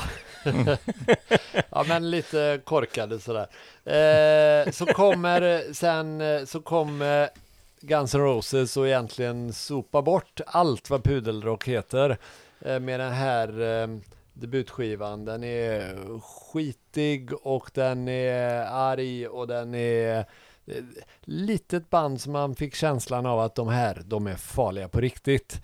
Eh, och eh, eh, där Axl Rose, det är ju lite vinddrivna existenser som eh, kom samman här. Det var flera olika band som eh, slogs ihop och eh, eh, det var väl redan från start mycket droger och alkohol och festande in, inblandat. Mm. Men de klämde ur sig bra musik. Eh, Axl Rose hade ju en, eh, med sig massa låtar. Det var ju all, jag skulle säga att alla låtar är klassiker på den här debuten och Mm. han hade redan skrivit eh, November Rain fast den var i en 20 minuters version Jaha. och eh, Bad Obsession och eh, ehm, flera andra låtar som sen eh, hamnade på Use Your Illusion skivorna som kom några år senare. Men eh, Ja, vad säger man? Jag har den i lite mesig eh, CD-utgåva med kanske lite mer politiskt korrekta omslaget. För just på originalomslaget så var det en, jag kommer inte ihåg vad konstnären heter, men det var en, eh, en eh, konstnär, ett, ett konstverk som hette just Appetite for Destruction som, eh, ja, är väl egentligen ganska otäckt. Det är en eh, robotfigur som har eh, gett sig på en kvinna där. Mhm. Ja, det Eh, försvann men- ganska fort. Ja, det gjorde det. Mm. Det försvann eh, snabbt och eh, Den, den återfinns i innerkonvolutet på första utgåvan av vinylen Ja. som är köpt i Los Angeles. Min kusin köpte den. Så mm, den finns på innerkonvolutet stort när man öppnar. Otäckt. otäckt är det får man säga. Ja. Sen, eh, ja men en detalj, Rocket Queen, avslutande låten, tyckte bandledaren och Axl Rose att han ville ha out autentiska sexljud. Så att han övertalade Steve, trummisen Steven Adlers eh, flickvän om att hon skulle ha sex med Axl Rose i studion och så spelar de in det. Så inte med Steven Adler. Nej, med Axl Rose. Alltså, tala om dumt band alltså. Oj. ja, det är inte så jättesmart. Det var så det började. De är ju verkligen ett dumt band numera. Ja, det kan man Ja. säga. Nej, men du har rätt Hasse. Det är ju Men det var en eh, stark debut. klassiker. Ja, Mycket verkligen. stark debut. Den gick varm hemma i eh, pojk... eller ungdomsrummet eh, en period. Sweet. Child of Mine såg man ju på MTV också. Precis. Varje minut. Mm. Vad, vad har vi missat? Vi har ju massa The som vi har Doors missat. The har Doors missat. tänker jag. Jag skulle säga det att The Doors kanske i mitt tycke är en av de bästa debutplattorna. Eftersom vi är kvar i USA menar jag, och snart åker vi väl till England misstänker jag. Vi ska väl ta en väg, för vi ska mellanlanda i Sverige också någon gång. Ja, kanske. då, någon gång. Ja. Någon gång. Men The Doors första är ju... Men vilken debutplatta. Ja, ja. Ja, Jag tycker att den är så bra. Ja. Den är väldigt bra ja. och den överträffar de ju aldrig. Det kan vi väl vara överens om. Det vet jag fan. Som, Ja. som hel platta kan jag nog hålla med dig att eh, det är svårt. Men den är ju lite fjantig också i vissa. Det- De har ju Alabama Song till exempel. Den är ju inte något av. Ja, Men fast den, de hade väl alltid den gjorde ju lite Bowie fjant- bättre. Mm. Alltid lite fjantiga låtar med på sina Men skivor. Break On Through Mm. går ju inte att Nej, förneka. och The End. The End. Mm. The End, Oj. ja. Apocalypse Now. Oj, oj, oj, vilken film. Men eh, jag gillar ju skivan efter Light också My väldigt Fire. mycket. Mm. Ja. Mm. Och, ja, Vilken är det? Det är den med Strange Days. Strange, Strange Days. Ja, den är bra. Ja. Jättebra skiva. Och även den, den är ju jättebra den som Riders on the Storm är med på. Vad heter den? Eller... LA Nej, Woman. Är den med på, nej, Är den inte den med med på, Den är på eh, Morrison Hotel? Morrison Hotel. Någon, jag tror det är LA Woman faktiskt. LA ja, Woman. det kanske är LA Woman. Den är ju jättebra. Jag blandar ihop dem lite där, för Men det- Wa- Waiting for the Sun till exempel är ju inte med på skivan Waiting for the Sun, utan den är Nej. med på eh, det är ju Morrison snyggt Hotel. omslag Nej. också. Ja. Mm. Men jag håller ju med om att det, det är en väldigt stark, stark, stark debut. Ja. Mycket starkt. debut. Ja. Mm. Ja, Hasse, vad blickar du mot nu? UK! Tillbaks Okej. till eh, de brittiska öarna. Och eh, året var väl 1982. När The Smiths slog igenom med buller och bång med sin eh, debut. Eh, och eh, ett eh, väldigt spännande band med, eh, ja, som många av andra banden, en karismatisk, egensinnig eh, Rätt otrevlig. eh, sångare och eh, men också med fantastisk eh, eh, textförfattare och så en briljant musiker eh, och gitarrist i Johnny Marr. Det var ju de två som skapade musiken. Mm. Eh, magi, om du frågar mig. Jag tycker ju att det här är inte The Smiths bästa. Eh, långt ifrån, men det är en eh, stark eh, debut. Eh, och, Heter eh, den något eller heter den bara The Smiths? Nej, den heter bara The Smiths. Ja. Och så har den eh, snyggt lite, ja, band som tände på det här med eh, lite könsöverskridande identitet. Ja, och där var han väl ganska viktig har man ju förstått. Morrissey har ju alltid varit en förespråkare för queer-kulturen och, eh, Och vegankulturen. och vegankulturen. Eller Ja. vegankultur, men för veganism. Och nu har han bara flummat ur. Ja, alltså Eller? jag är ju en, han är en stor, eh, hu- jag lyssnar på nästan varje vecka på Morrissey och jag älskar hans soloskivor. Mm. Eh, och sen är det synd att han misshandlar sin egen karriär så som han gör. Jag hade kunnat eh, prata om hans debut Viva Hate. Eh, som han släppte då eh, 88 året efter Smiths eh, splittrades. Och blev ännu större. Och blev ännu större. Fast det var Smiths bästa skiva tycker jag, den sista. Ja, Strange Days, Here We Come. Ja, den är fantastisk. Ja, Men, verkligen. men jag, jag gillar ju det jag hör förutom hans röst har jag lite svårt för. jag vet inte varför. Jag har, jag har fått lära mig att gilla The Smiths för att min fru var en stor Smiths-fantast. Ja. Och jag hade kunnat ta med. Viva Hate för den, den eh, står hemma i våran skivhylla. Ja, Det har smittat av sig. Men jag får säga också, du sa det, Johnny Marr och Morrissey är ju ja, de två som eh, har eh, satt st- störst prägel på bandet kanske. Men Mm. jag måste säga att basisten Andy Rourke har, eh, som dog. han dog alldeles nyligen också Mm. i våras här, väldigt tragiskt. Men hans basspel Mm. ger mycket karaktär till många av de största Smiths-låtarna tycker Mm. Ja, det är, en, det är en bra reflektion. jag. Mm. Han eh, förtjänar att äras också. Mm. Men eh, Morrissey och Smiths, eh, de är stora hemma hos mig. Ja. Får man göra en snabbkoppling här? En snabbkoppling bara, det har man ju ibland. Ja, Ja. det får man. Här är en artist som heter Robert Forster. Det är hans debutplatta från 91. Eh, Den heter Danger in the Past.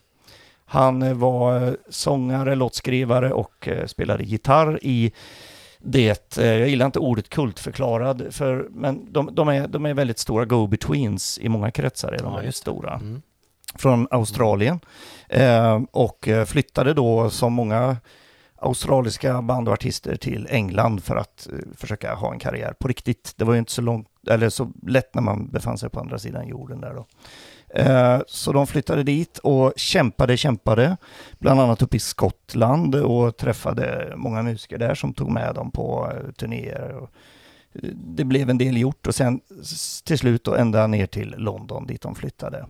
Den här är ju producerad av Mick Harvey från Nick Caves, The Bad Seeds. Han har ju samarbetat med Nick Cave sen Birthday Party-åren där tidigt 80-tal och ja, nästan 30 år framåt tror jag. Så han producerade den här och det här är ju två år efter att första sättningen, eh, den så att säga originalsättningen av Go-Betweens slutade, hade gjort sin sista skiva, 16 Lovers Lane.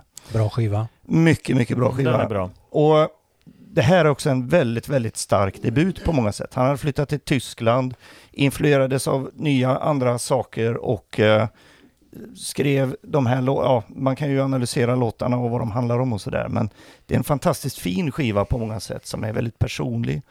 Eh, innehåller väldigt stilla, nästan stumma nummer. Nej, men det är väldigt, ljudbilden är väldigt nära. Och eh, en del eh, låtar är lite upptempo, kanske två. Resten är ganska stilla och så, men den är väldigt fin. Lys- Eh, lyssna i lurar kanske. ja, lyssna i lurar skulle jag säga. Jag gillar den här stickern de har satt på här. Då står det ju Robert Forster och sen så beskriver man då singer-songwriter för att man ska Ja. veta vad det är. Of the Go-Betweens, att han var med där. Ja, men det är bra. Och sen står det eh. Danger in the past och så står det längst ner His first album. Mm. Så då vet man att det är debutskivan. Här får man allt på Informativt. en, Där får man- informativt, allt på en sticker. Ja, konsumentupplysning när den Ja. är som bäst. Ja, han gör fortfarande plattor. Men vad är då kopplingen till det som du pratar om med The Smiths? Mm. Jo, när de höll på där i- i början på 80-talet och kämpade och kämpade och gjorde förvisso skivor men breakade aldrig. Så var det ju så att en kväll så skulle det komma en eh, skivbolagssnubbe och kolla. Äntligen. Han kommer dit och kollar, älskar dem och säger att det här får vi göra något av. Men det hände någonting innan de träffas nästa gång. Han hade varit och kollat ett band som hette The Smiths. Åh, Och de kom före. De snöt platsen. Attans. Och, de, och den Sicken chansen. osis. Stackars Ja. go-betweens.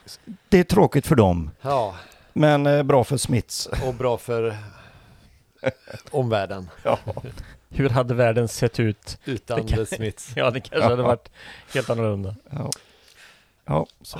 Ja, Ja, hur många skivor har ni kvar? nej, jag vet inte. Det är inte många faktiskt. I huvudet är det väldigt många. Ja, man, det- man vill ju göra någon slags eh, eh, blandning. Med, det är väldigt kul när det kommer sådana eh, som inte är så... Ja. Debutplattor som inte är så em, Kända. kända precis. Mm. Eh, jag har ju en här som jag är väldigt förtjust i.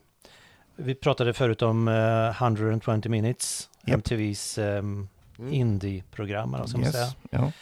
Där eh, gick det ett tag låtar från ett band som heter The God Machine. Aha. som jag fastnade för otroligt mycket. Eh, som släppte sin eh, debutplatta Scenes from the Second Story eh, 92 på Fiction Records. Eh, Mm. Och då hade de en video till en låt som heter Home som är otroligt fräck. Tungt, postrockigt. Mm. Eh, Bra. Jättebra. Det kan jag verkligen rekommendera. De gjorde Mm. även en, anna, en andra skiva innan eh, basisten dog. Oj. Så, eh, så bandet splittrades efter det. Mm. Ska jag ta några från Sverige? Ett par från Sverige? Ja, gör det. Ja, gör för det har varit väldigt mycket amerikanskt och, engelskt. Ja, Ja, vi, Det- eh, det finns ju ett par Vi plattor som... som kan ehm, kalla det det anglosaxiska avsnittet. Ja, nu går vi över till svenska texter här. Ja. Två skivor som har eh, gjort mycket för ehm, eh, rock på svenska. Mm. Pugh Rogefeldts eh, debutplatta Ja, det är det. Ja, Mm. såklart. Eh, som, eh, som han dog ju här nu för ett tag sedan. Mm. Och jag har, eh, min son ville inte jag skulle säga det, men jag säger det måste jag göra. Det, han är väl inte så bevandrad i Pugh Rogefeldt. Men han läste detta på eh, Facebook eller någonstans. Eller Instagram, där ungdomarna är. Och så frågade han, vet ni vem han är, han, han som har dött nu? Han Pew Rogefelt. Ja. Det tyckte vi var roligt i familjen. Ja. Skrattade vi länge. Och nu, Elakt. Och nu, och nu delar du med dig av skrattet. Man, hej Adam. Tack. ja, Men här är ju en otroligt bra debutplatta eh, med Pugh Rogefeldt, eh, Jojje Wadenius och eh, Janne Karlsson på trummor. Jättebra trummis. Och Jojje som har spelat med Steely Dan. Precis, Mm. och Blood, Sweat and Tears och allt Just vad det är. Mm. Eh, Janne Karlsson, han har varit med i, han var ju med i Hansson och Karlsson. Ja, han Före är det. jättebra. Och repmånad. Mm. Och det. Det var lite senare. Ja, här var han fortfarande creddy. Ja, ja. glöm inte Göta kanal. ja just det. Nej, så det ska vi inte glömma. Och vad heter eh, tv-programmet som han, Och, eh, Ja, lekprogrammet som ja, han, just det. Mm. Det var han inte så alltid bra. avslutar med Är man glad ska man sjunga. Mm. Men en jättebra trummis. Finns också en bra em, dokumentär som ligger på SVT Play om Janne Karlsson. Han var bra trummis mot slutet också. Ehm, här har du ju låtar som Här kommer natten och Små lätta moln och jättebra. Och Jojje Wadenius, han spelar både gitarr och bas och Mm. jättebra skiva. Mm. Svenska texter. Några Härligt. år senare kom några, ett gäng som också gjorde mycket för svenska texter och rock. Luke slog ner som en bomb Ja, just det. med sin debutplatta. Luke står när man Naken, faller. blästrad och skitsur. Så där ja. Så jäkla bra titel. Med, med, med, med, det, här, det här har jag lyssnat jättemycket på. Vad, het, Väldigt bra billåt. vad hette den där Billskiva. stora hitten därifrån? Ja, det var ju Lokpest bland annat. Men Luke står när de andra faller. Ja, Mm. Eh, sen var det ju den här eh, som börjar med Nu blir det hårdrock. Är det barnbok det tror jag? Hem till gården är jättebra låt. Det är bra, bara bra låtar på denna. Mm. Och eh, häftiga svenska texter. mm. Mm. Det var Sverige. Kan man Äntligen. säga att det är en sve- lite svensk rap metal? Skulle du säga det?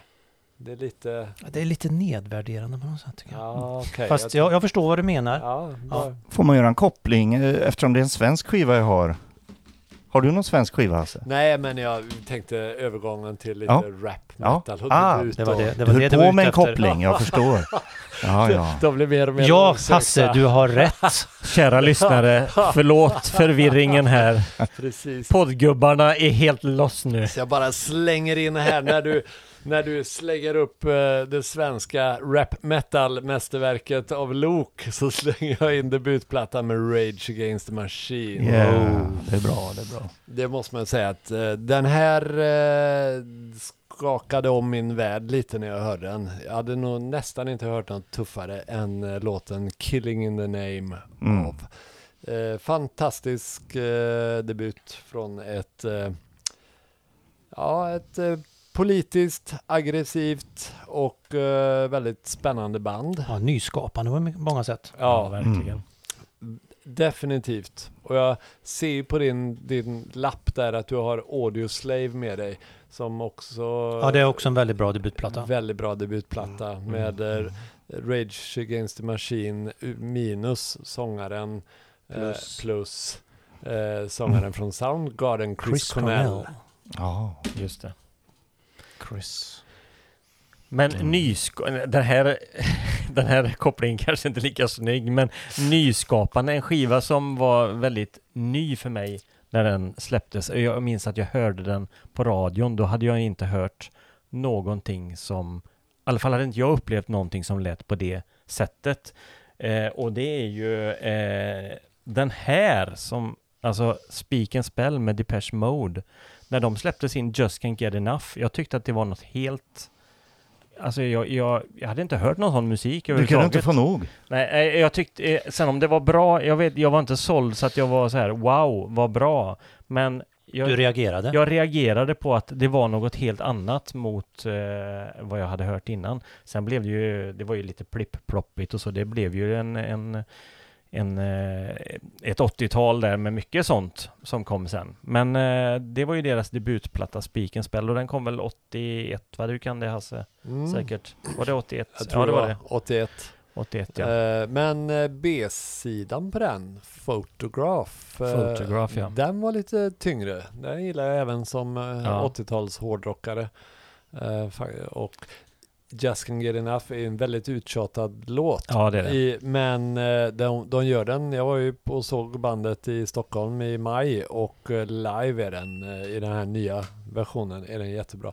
Och du säger nyskapande.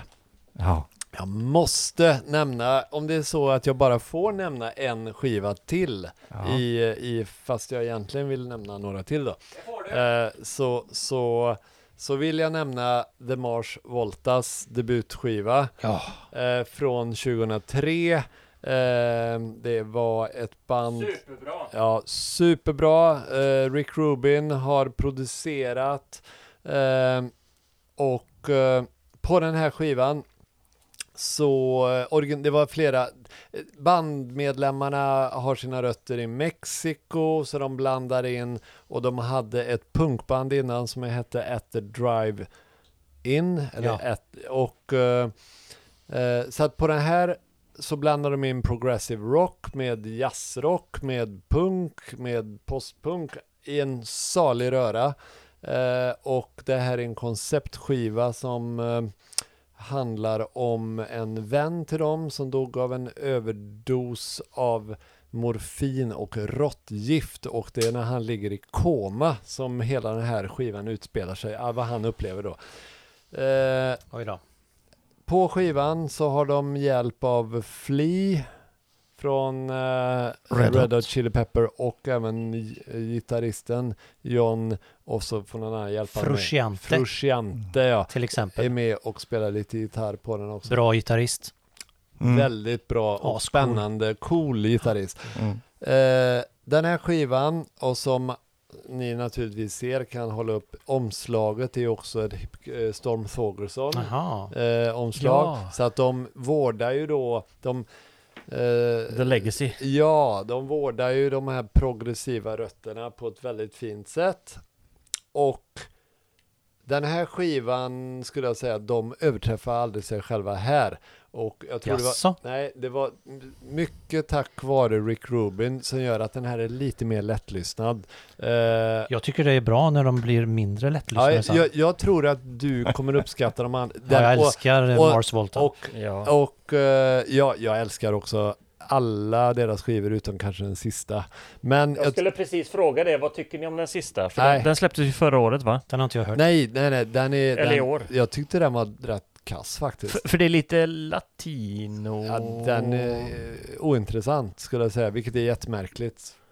Men eh, ehm, de, gitarristen, vad heter han? Omar Rodriguez Lopez, bandledare och gitarrist. Han, ty, han var inte så nöjd med eh, Rick Rubins produktion. Han förklarade det som att Rick Rubin tog våra fina fyrkantiga hjul från våra musikaliska vagn och satte dit runda traditionella Fan hjul. vad bra sagt. Åh. Jävla bra sagt. Ja.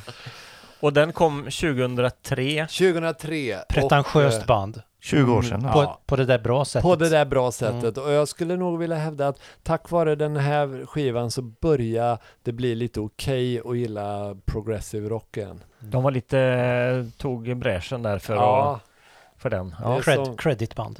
Ja. lite som... Jag har Mm. lyssnat, jag gillar den här skivan eh, Octahedron. Ja, Bra. Den oj. tycker jag är jättebra och den inledningen där, Since You Been Wrong, Mm. eh, den första låten, är, Mm. sätter så god stämning. Det här får jag ju kolla upp. Jag är den enda runt bordet som inte lyssnat på det här bandet. Mm. Mm. Spännande band. Mm. Det får, du får Mm. ge det lite tid. Ja, Mm. Det är inte så lättlyssnat på Nej. det sättet. jag var ju inne väldigt mycket i Zappa och ett amerikanskt band. Ja, men då har du, då Ja, har du, då då har du du- Då har förutsättningar. jag spolat fram. Och, eh, har ni hört talas om bandet Fish?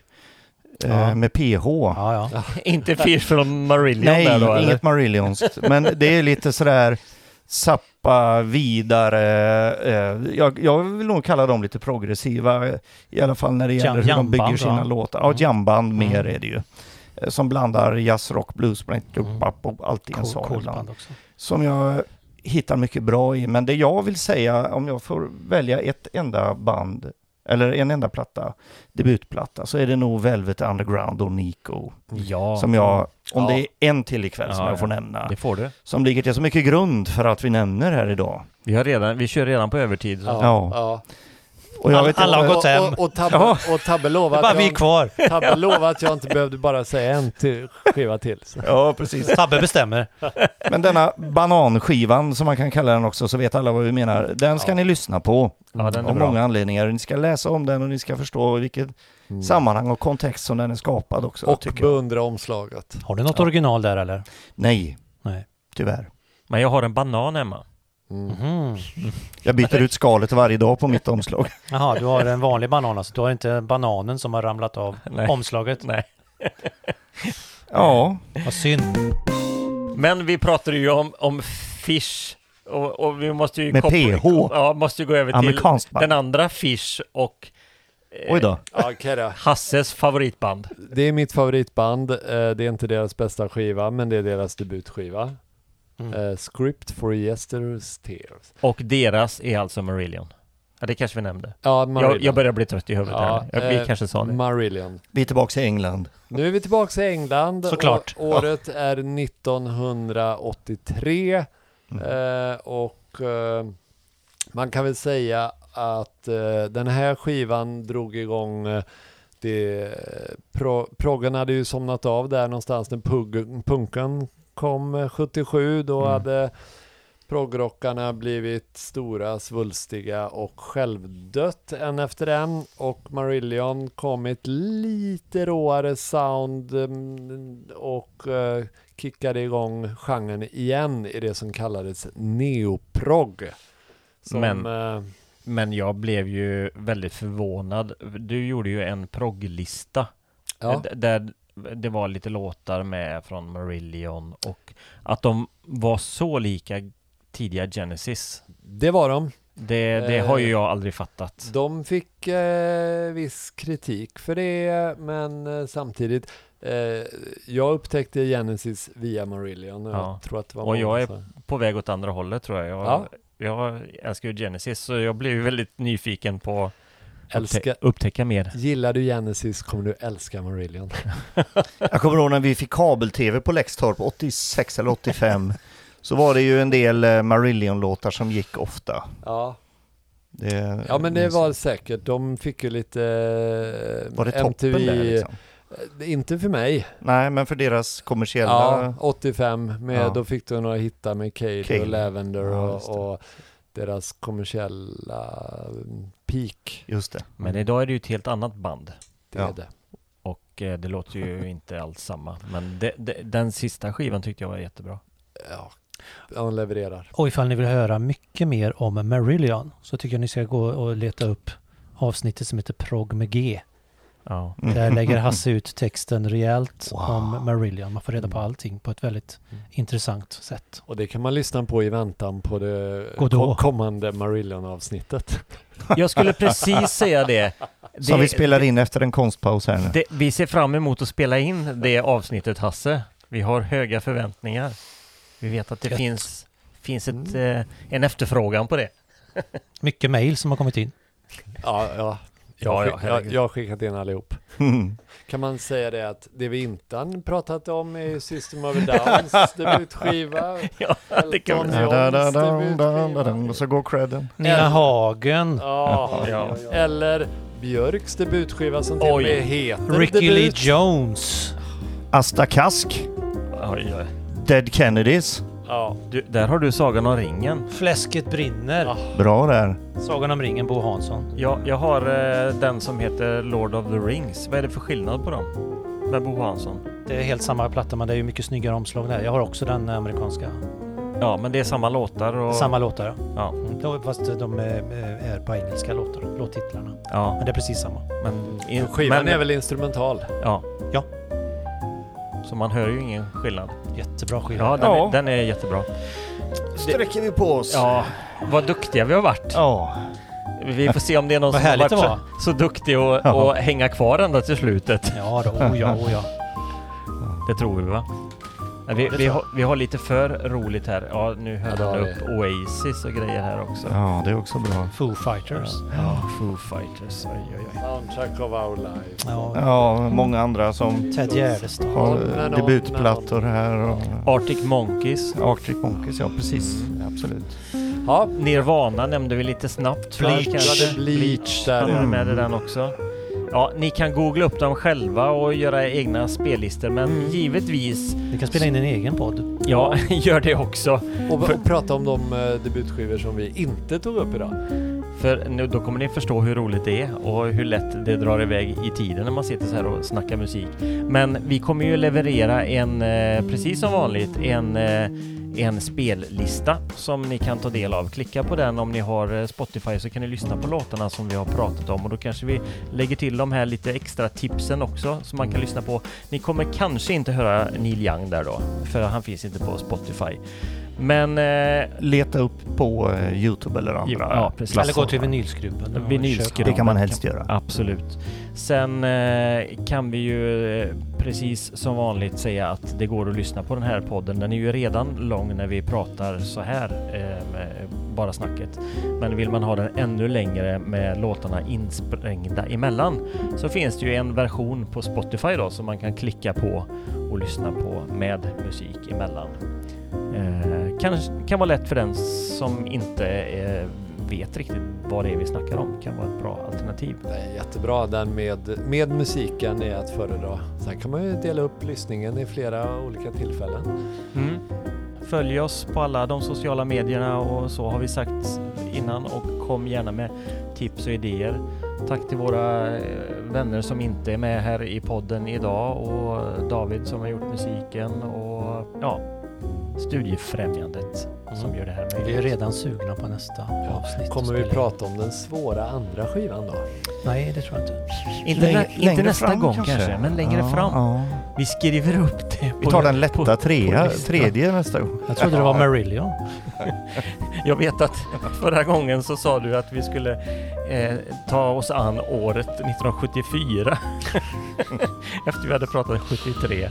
Det tar vi 2024. Ja, det finns jättemycket spännande. Ja, vi, kommer, vi kommer i alla fall komma tillbaka. Mm, Ja, absolut. absolut. Så är det. Så tack för idag. Tack eh, alla mina kära vänner som sitter här i studion och tack för er som orkat lyssna. Jag eh, som sitter här heter Torbjörn Tabbe Jackson och vid min sida har jag Thomas Jonsson Palm. Och Hasse Skanse. Och Lars Berger. Tack för idag och på återhörande kort. Tack, tack. Tack. Hej, hej. Hej! Tack för att du lyssnat på Musikpodden 1234. Om du gillar oss och vill höra fler avsnitt så glöm inte att prenumerera. Du hittar oss på Spotify och där du lyssnar på dina poddar. På Spotify kan du välja om du vill höra avsnitten med musik i samtalen. Du kan också lyssna på alla spellistor med musik från avsnitten under vår Spotify-profil Musikpodd 1234. Glöm inte att följa oss på Facebook, Instagram, Youtube och TikTok. Vi uppskattar om du delar våra inlägg och ställer frågor till oss. Du får gärna komma med förslag på kommande ämnen eller gäster du önskar skulle vara med i programmen. Sök på Musikpodd 1234 i sociala medier så hittar du oss. Det går lika bra att skicka ett mejl till musikpodd 1234 gmail.com. Vi hörs snart igen. Ja, Vad glömde vi? allt. Vi glömde, oj oj oj. Så här. Vi glömde så mycket. Det är ju grymt varenda gång så är vi, vi är liksom inte färdiga. Vi är aldrig Nej, färdiga. nej, Det är nej. ju fantastiskt. Men jag blir nästan lite så här positivt överraskad av att klockan bara är fem i halv tio. Jag tänkte, jag tänkte för sist, då var ju klockan halv tolv när vi slutade. Ja.